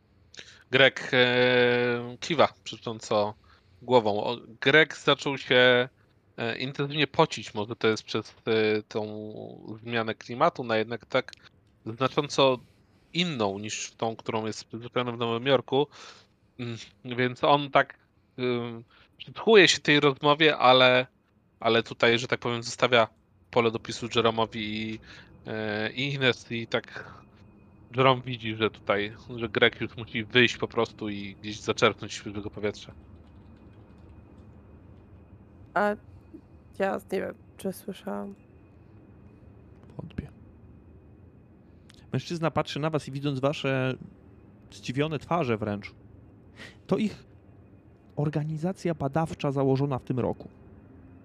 Dopiero co? A już węszą. Ale, mój drogi Żeromie, ten, kto nie przykłada ręki do ognia, nie ma szansy, żeby się sparzyć, prawda? Więc trzymajcie swoje ręce z dala. Dobrze wam radzę. Po czym klepie cię tak przyjacielsko w ramię. A teraz wybaczcie. Muszę się udać w pewne miejsce. Nie rusza, jak gdyby nigdy nic. Wymijając jeszcze was. Mhm. Ja pierwsze dwie sekundy, dla mnie była to taka, ta rozmowa była na... mm, Jerome na chwilę w ogóle, wydawało mu się, że oni tylko dwaj stoją i rozmawiali. W ogóle zapomniał o, o, o świecie. Teraz ten dźwięk we mnie uderza. Ja... E, e, panie Demraes, czy Tak? tak? już za nim, czy jest szansa, żebyśmy się jeszcze w przyszłości spotkali? Miałbym kilka pytań. To nie jest rozmowa na teraz. Gdzie mógłbym ewentualnie, jeżeli jest taka szansa, z panem się spotkać? Jeżeli istnieje coś takiego, taka możliwość. Z wielu powodów nieznanych tobie nie mogę ci powiedzieć. Ale jestem pewien, że jeszcze się spotkamy. Że Umbanda pozwoli nam spotkać się jeszcze nie jeden raz. Po czym odwraca się już ostatecznie i odchodzi, i nawet jeżeli ktoś coś powie w jego stronę, nie zwróci już na to uwagi. Zniknie za rogiem Palacio Rio Negro i odejdzie. Rekines to było dziwne. Było bardziej niż dziwne. To przywódca bandy tu robił. Nie wiem, ale ja muszę za, zaczerpnąć świeżego powietrza i wychodzę. My jesteśmy chyba na Wy świeżym jesteście na powietrzu. świeżym powietrzu. Jesteśmy na Bramą. świeżym powietrzu. Tak, wy jesteście Przed poza bramą. bramą. Tam o to, jest. to, to w takim razie no odchodzę na bok i, i, i pochylam się o, o murek tak e, głęboko. Oddycham pocąc się in, intensywnie. Nie wiem, czy mamy wodę, Marcelo, może byśmy jakąś... Patrzę tak na Grega. Ja też w sumie bym się napił. ja- Y, Dobrze, proszę poczekać, ja zaraz przybiegnę. I rusza w te pędy jakby do sobie znanej lokalizacji. Greg, Zostawiając w was samych. Podchodzę do... Podchodzę do ciebie. No ja też e, podchodzę, ale jakby robiąc miejsce, tak, żeby nie czuł się osaczony, jeśli potrzebuje przestrzeni. Uff, tutaj ta, ten klimat. Cóż, muszę powiedzieć, że on niekorzystnie na mnie wpływa. Wybaczcie, czuję się tutaj bardziej bardziej balastem. O ty gadasz, Greg. Twój zmysł nieraz już uratował nam tyłki. Także skoro jesteś spokojny, to ja jestem już zawsze troszeczkę bardziej spokojny, spokojny choć nie czuję tu i tak się bezpiecznie, ale liczę na twój zawsze przenikliwy umysł. Postaram się. Jak ten e, chłopak przy, przynosi wodę, no to od razu biorę, biorę e, butelkę i em, duszkiem wypijam. Dobrze. Zostało, Ja nam, również tak. zostało nam już stosunkowo niewiele, moi drodzy. Jeśli się sprężymy, wydaje mi się, że jakieś 30-40 minut powinniśmy zamknąć całą sesję. Czy jesteście w Okej. stanie dograć do końca? No tak, tak. Dobrze, w takim Tak. razie ja zamykam klamrą to spotkanie, przeniesiemy się do Teatru Amazonas, będzie szybciej po prostu. Przeniesiemy się do wieczornej pory, kiedy już tam będziecie. Bo to, co chciałem wam przekazać tutaj w Manaus, przekazałem. Dobrze. Przeskoczymy Możemy. sobie naturalną Tak. klamrą i tyle. Bo Nie ma sensu rozbijać tego na dwa spotkania. Kochani, przed wami miejsce kultury. Miejsce, które za rok będzie świętować swoje 40 urodziny. Powstało rękami robotników na życzenie tych, którzy trudnili się handlem kauczukiem. Budowla charakteryzuje się złotą kopułą, poprzecinaną mozaiką koloru zielonego i niebieskiego. I zaraz wam pokażę Teatro Amazonas. To jest budynek teatru, budynek opery w Manaus. Nice. Budynek zniesiono w stylu neorenesansowym, mającym przypominać czasy kolonialne. Liczne białe wykończenia budynku kontrastują z ceglanymi, wręcz różowymi ścianami.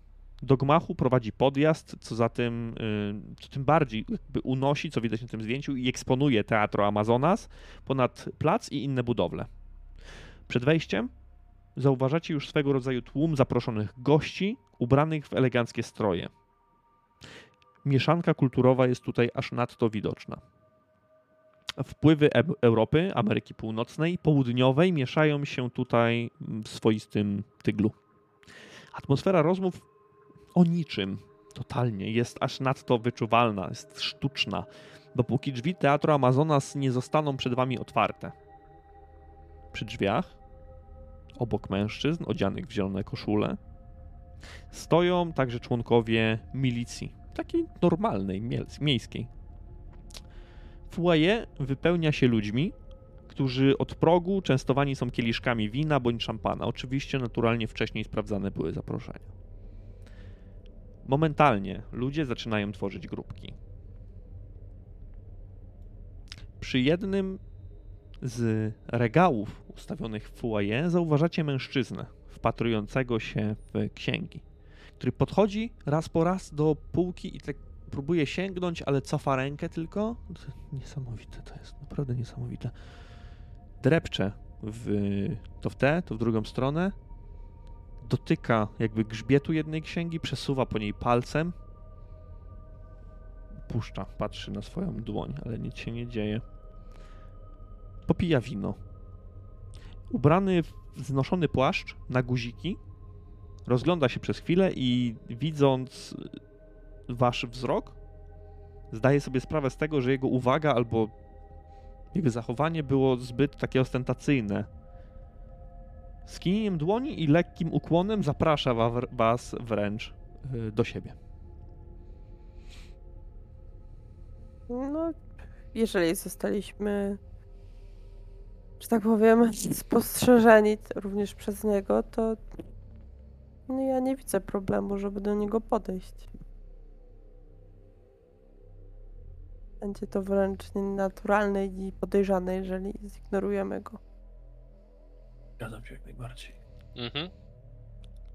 Wybaczcie Państwo, nie chciałem być grubiański i rzucać tutaj komentarzy na głos. Wyczuwacie gardłowy niemiecki akcent. Jednakże głos mężczyzny mimo wszystko zdaje się być miękki. Spokojny. On mówi po portugalsku czy po angielsku? po angielsku. Mhm. Brązowo-włosy jegomość oscyluje wiekowo w kategoriach 30, może 40, raczej 30. Pełna broda, ale to, co go wyróżnia, to wąs, który jest skręcony ze sobą i którego końcówki są tak mm, ekscentrycznie odstające tak do połowy, do połowy policzka. Coś konkretnego tutaj pana zainteresowało? Wydawał się pan bardzo. Różne księgi, różne księgi zwiezione z całego świata. Podoba się Państwu w Amazonas? Tutaj? Ja czuję się jak w Europie. Byliście Państwo? Ja byłem, ale wtedy Europa, cóż, nie nadawała się zbytnio do zwiedzania. A, Wielka Wojna. Mhm. Zgadza się. Rozumiem. Mi się zdarzyło bardziej turystycznie niż tutaj koledze. Ja niestety nie miałem okazji. W takim razie, niech, niech pan sobie wyobrazi neorenesans. On pokazuje, on jest jak w transie teraz. Dachówki sprowadzono z Alzacji. Ściany są przeniesione żywcem z Glasgow w Wielkiej Brytanii. Marmur karraryjski wykorzystano do zbudowania schodów, rzeźb i kolumn. On pokazuje za każdym razem, a to wszystko przywieziono z Włoch. Kopuła ma dokładnie 36 tysięcy dachówek w kolorze flagi Brazylii. Meble, które tu widzicie, on pokazuje na fotele, stare, antyczne, sprowadzono z Francji. Pamiętają czasy Ludwika XV. Malowidła na suficie są dziełem włoskiego artysty Domenico de Angelisa, a ten piękny obraz, pokazuje na jeden z nich, powstał w Paryżu. Prawie 200 żyrandoli przetransportowano z Włoch, a aż 32 z nich stworzono ze szkła weneckiego. Mężczyzna, nawet jak nie, nie słuchacie, on jest, on opowiada. On ma to po prostu, jest zafiksowany na tym punkcie. Czyż to nie piękna budowla? Sama sala koncertowa, za którą, na którą zaraz wejdziemy, jest skłonna pomieścić ponad 700 osób. Gdyby tylko Edmund mógł tutaj być. Niestety wyjechał na północ w celach badawczych. Gujana Brytyjska to piękne miejsce. Byliście Państwo? Chyba nie. Nie, nie zdarzyło mi się. Edmund? Przepraszam. E, Edmund, mój kolega. Okej. Edmund Kiss? E, tak. Edmund Kiss. Słyszałem. Słyszałem. O, o. Badacz, prawda? Badacz, tak, badacz. A wyjechał dawno czy niedawno? E, z tego co wiem, powinien wyjechać dzisiaj. Dzisiaj. E, tak, tak.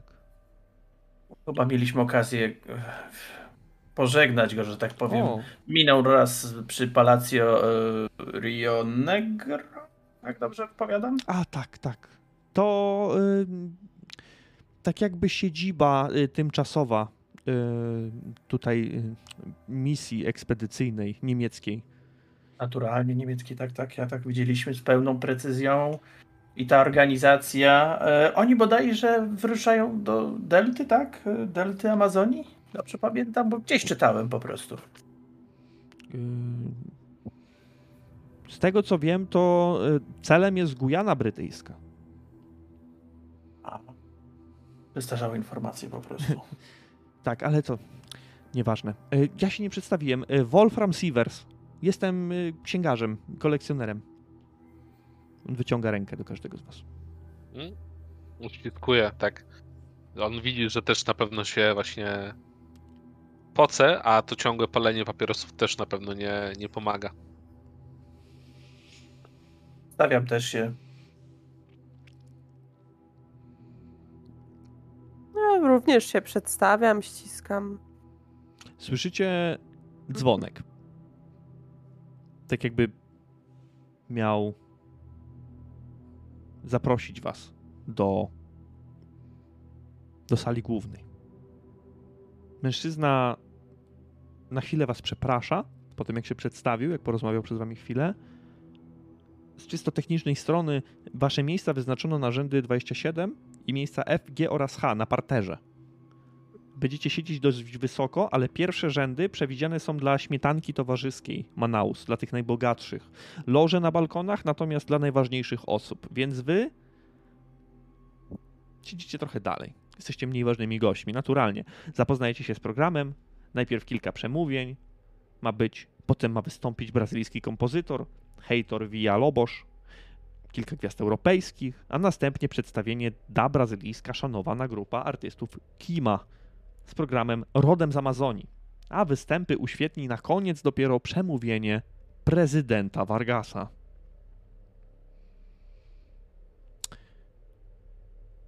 Słyszycie dzwonek?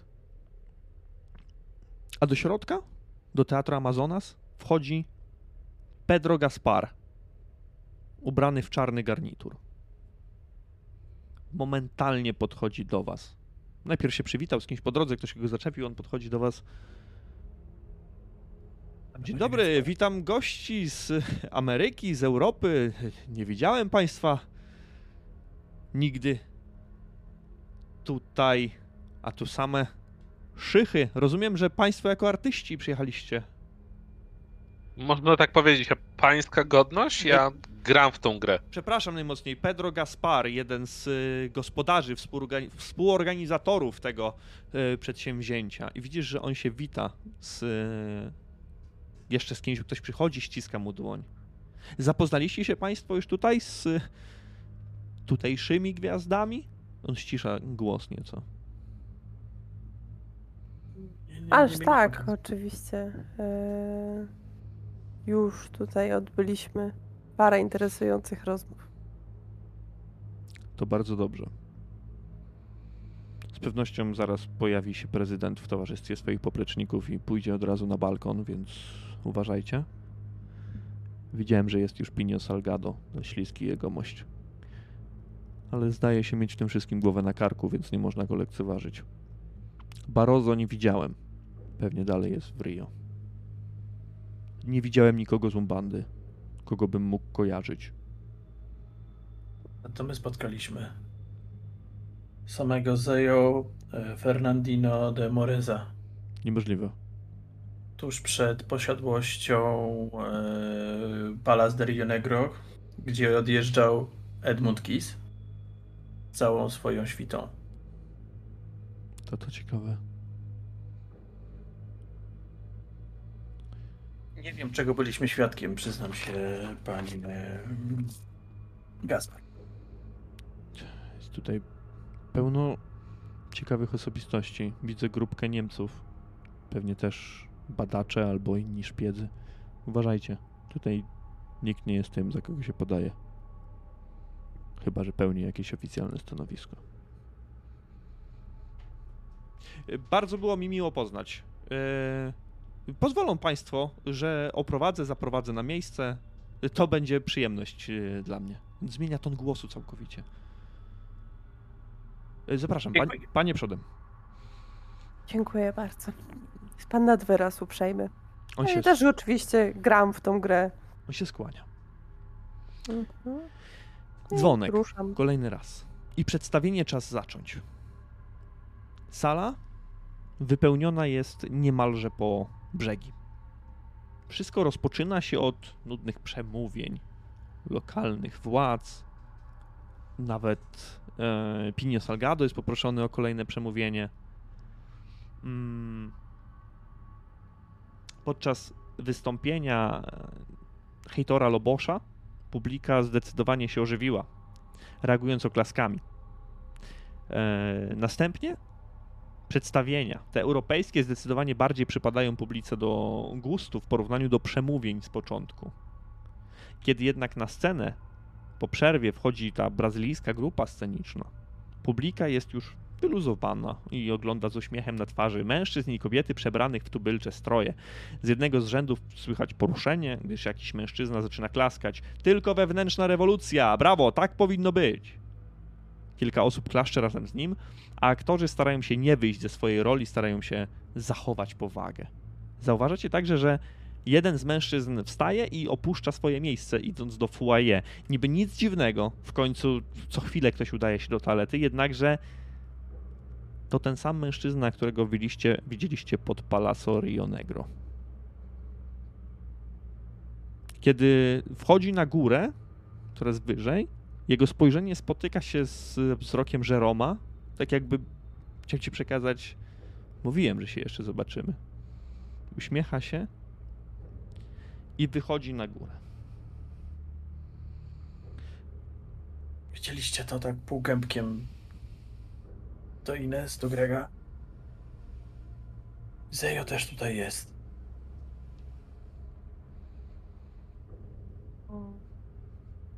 To jaki mamy plan w takim razie, Jerome? Nie wiem, mam wrażenie, że no, coś tu się zaraz stanie historycznego, nie wiem. Mhm. Co myślisz o jakimś przewrocie? Powiem ci, Greg, że wiem, że może za często to powtarzam, ale po prostu miejmy oczy dookoła głowy.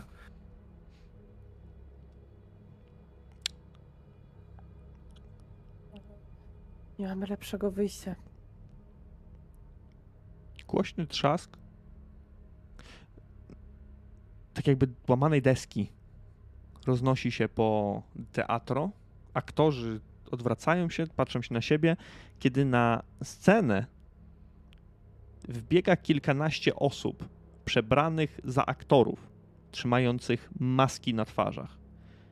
Tylko, że ci ludzie w dłoniach dzierżą karabiny, granaty, a jedna z nich posiada na plecach całe oprzyrządo- oprzyrządowanie miotacza płomieni. Ogromny błysk oślepia wasze oczy, a krzyk Umbanda roznosi się po sali w akompaniamencie strzałów i wybuchów. Padacie na ziemię, pchnięci przez Pedro, a nad wami zaczynają latać pociski. Słychać jęki męczarni, odgłosy ludzi palonych żywcem i kolejne strzały. Zanim coś zrobicie, pozwólcie mi jeszcze skończyć opis.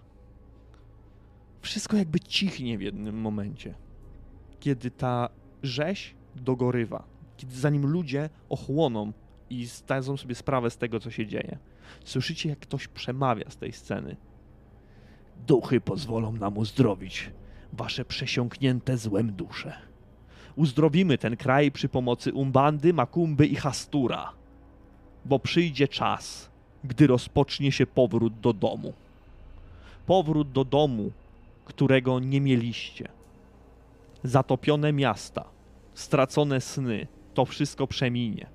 Pewne to, niczym pewne jest, iż puste ciało zgnije, gdy czas na koniec ciała przyjdzie do ludu wybranego, na północne ziemie ku rzece ze znakiem.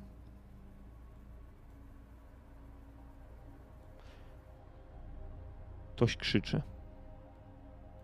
Ciało złożyć w ziemi, by po śmierci swojej pilnowało nadal wejścia, by w momencie ostatniego eksodusu strzegło przed fałszywym ludem, by strzegło przed pustyni, pustymi, co swym jestestwem utrudnić życie ludu wybranego mogą, bowiem oni są wszą, co oblazła ciało, a ziemia nie należy do nich.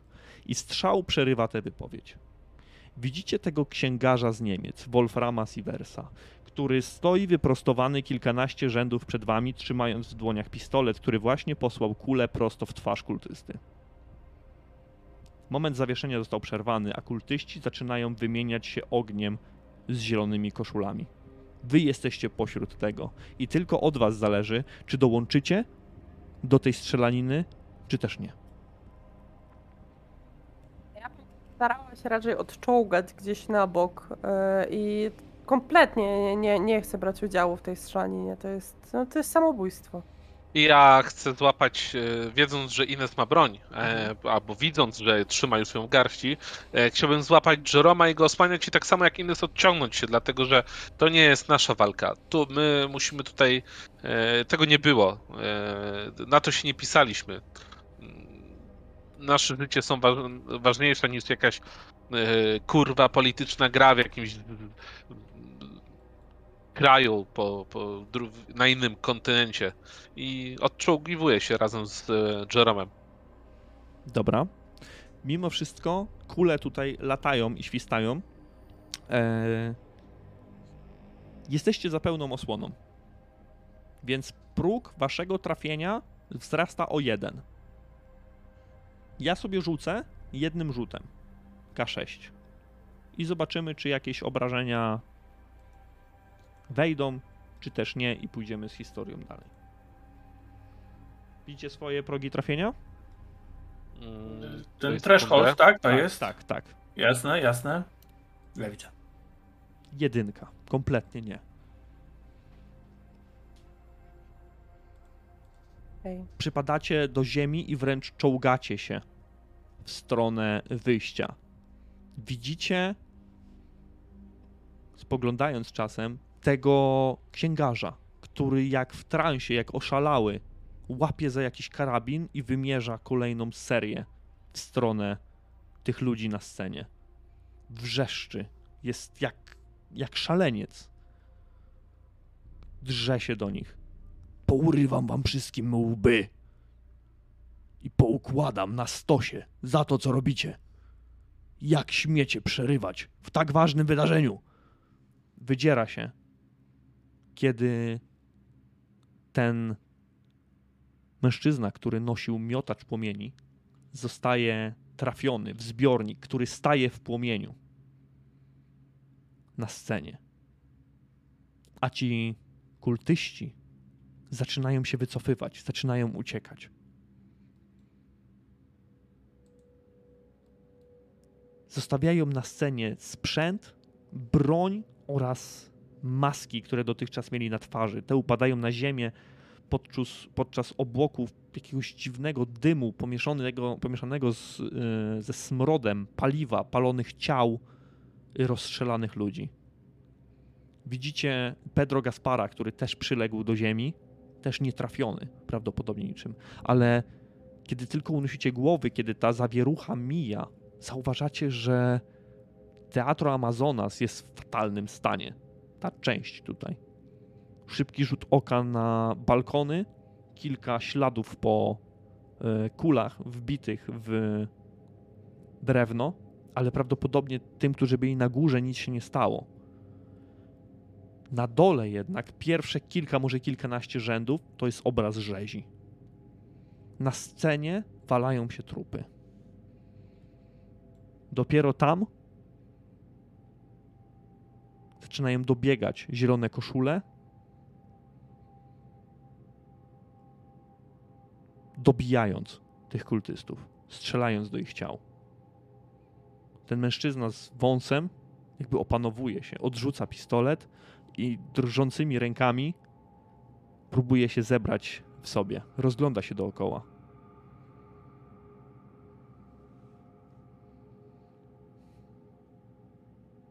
Pedro, Pedro. Pedro podnosi się. Tak niepewnie trochę wystawia głowę ponad krzesło, patrząc się na was.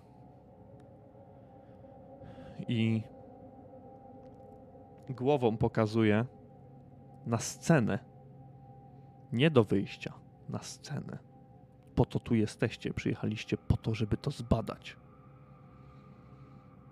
Idziemy. Już teraz, teraz jak już no, zagrożenie minęło, no to faktycznie Greg wstaje e, i podchodzi. Podchodzi do, na, na tą scenę i zaczyna się przyglądać temu całemu sprzętowi. Widzisz broń. Nie jest to broń niemiecka, nie wiem, radziecka. Wygląda na taką, uśrednijmy, oryginalną. Nie ma znaczenia, co to jest kompletnie za broń, tak naprawdę. Czy ktoś ich wyposażył, czy to kupili. Nic ci to nie powie, tak naprawdę. Albo przynajmniej nie na to powinieneś zwracać uwagę. Widzisz, że pośród tych ciał, jakby z kieszeni, czy co to oni mieli, spod tych masek, na scenie znajdują się liczne grudki ziemi, wręcz kamienie większe.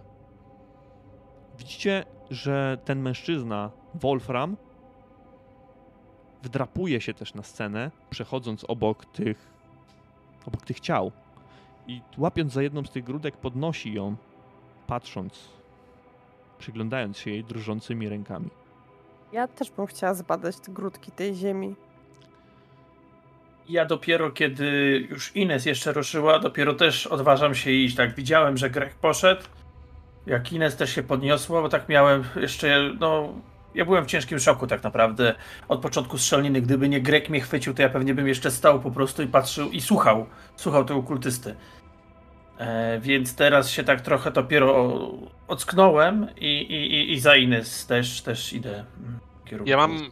Firearms 12. Czy to mi coś pomaga, jeżeli patrzę na tą broń, na przykład coś mi więcej mówi? W jakim sensie byś chciał? Bo jesteś ekspertem od broni. Co byś chciał się dowiedzieć o tej broni? Chciałbym dowiedzieć się, czy kojarzę, skąd ta broń może być, czy kto jest na przykład producentem, czy to są, tak jak mówiłeś, że to nie wygląda na radziecką, nie wygląda na niemiecką, ale może z jakiegoś innego kraju.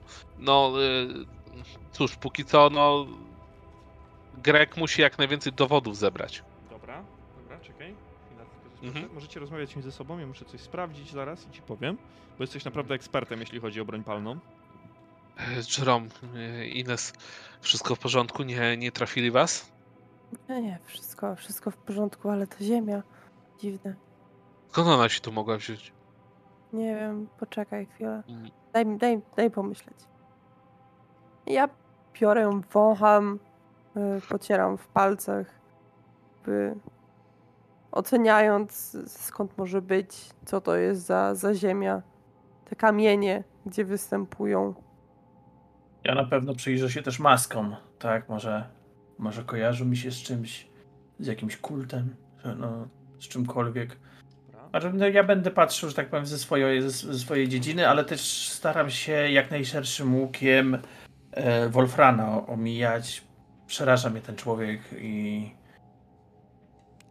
wiem, że nie jest tym, za kogo się podaje na pewno. Zaraz, zaraz mi zadacie pytania po kolei też jeszcze raz, bo nie wszystko zdołałem wyłapać. E, Greg, mhm. różnorodność tej broni tutaj występuje. Ten miotacz płomieni oczywiście wybuchł, e, nie ma go już oczywiście fizycznie. Jesteś w stanie pokojarzyć, że miotacze były zarówno produkcji europejskiej, jak i amerykańskiej. Tutaj ciężko ci teraz cokolwiek złożyć w całość, ale widzisz, że e, na ziemi malają, e, walają się modele powtarzalnego karabina Carcano i to jest e, włoska broń. Włoskie karabiny to są. Ale to, co zwraca Twoją uwagę, w szczególności, to powtarzalny karabin M1 Garand amerykańskiej produkcji. Ja biorę tak do y, tą broń do ręki. Y, może tam jakoś y, odchylam zamek, sprawdzam, czy sprawdzam tą broń i mówię. Słuchajcie, to jest amerykańska broń. Skąd oni mogą mieć dostęp do, do naszej broni? Może ktoś im to sprzeda. Sprzedał albo Ktoś im szmuglowali. Z drugiej ręki, no. Greg sobie przypomina e, być może trend, który zaczął się dosyć niedawno, Mm, czyli rząd amerykański mm, po cichu wspierał różne ugrupowania, które e, walczyły z rządami, które nie były wygodne dla amerykańskiego rządu. E, Po cichu były szkolenia ludzi, dostarczana była broń i zastanawia się, czy może nie było tutaj, nie był taki sam przypadek, że być może to właśnie wujek sam dostarczył im tą broń, tylko jakimś takim niezbyt legalnym i jawnym sposobem. Twoje przypuszczenia nie, nie miną się z prawdą, zdecydowanie, bo rząd Stanów Zjednoczonych dozbraja dyktatury, tych, którzy walczą przeciwko dyktaturom. I w Twoich rękach jest dowód na to, prawdopodobnie teraz. I teraz jeszcze jedna rzecz, bo chodzi o badanie tych próbek, tych, tych, tych grudek ziemi, tych kamieni. E, geologia. Tak, Ktoś ma geologię? Ja mam na cztery. Moja droga. Archeologię też macie. I okultyzm, prawda? Okultyzm To też. teraz już tylko względem formalnym proszę o odjęcie jednego punktu geologii, archeologii i okultyzmu. Ja odejmuję od geologii, od archeologii. Ja to okultyzmu. Jesteście na scenie pośród tych zielonych koszul. Oni nie zwracają już uwagi, jakby, bo duża część ludzi wybiegła, jest zamieszanie, ale w związku z tym, że co tutaj się działo, yy, nawet jeszcze nie mają takiej organizacji, żeby wypraszać mniej znanych gości. Zajęli się tymi ważnymi, zajęli się prezydentem, zajęli się Pinio Salgado. To jest dla nich priorytet, ale stoicie kilka, kilka zielonych koszul pośród tych ciał, stoicie wy i stoi ten Wolfram. On też trzyma tą grudkę ziemi w ręce, patrząc na to, zastanawiając się. Ines, grudka ziemi, jak ją ruszasz palcami, to odkrywasz, że w każdej tej grudce są jakby kamienie, są jakby krzemiany, oliwin, żelazo. 90% meteorytów, które spadły na Ziemię, to są właśnie te minerały i te związki. A wasza wiedza archeologiczna i okultystyczna pozwala na stwierdzenie, przypomnienie sobie, że w dolinie Rio Curaca, czy Curasa w 1930 roku w Brazylii uderzył meteoryt. Ale to, co jest najciekawsze, to że w tym roku, w 1935 roku, zrobił to następny meteor w sawannie Rupununi, nieopodal granicy z Gujaną Brytyjską. I kiedy zdajecie sobie z tego sprawę, widzicie uśmiechniętego Wolframa Sieversa, który zdaje sobie dokładnie sprawę z tego samego. I wy już wiecie, że organizacja nazistowska jest kilka kroków przed wami.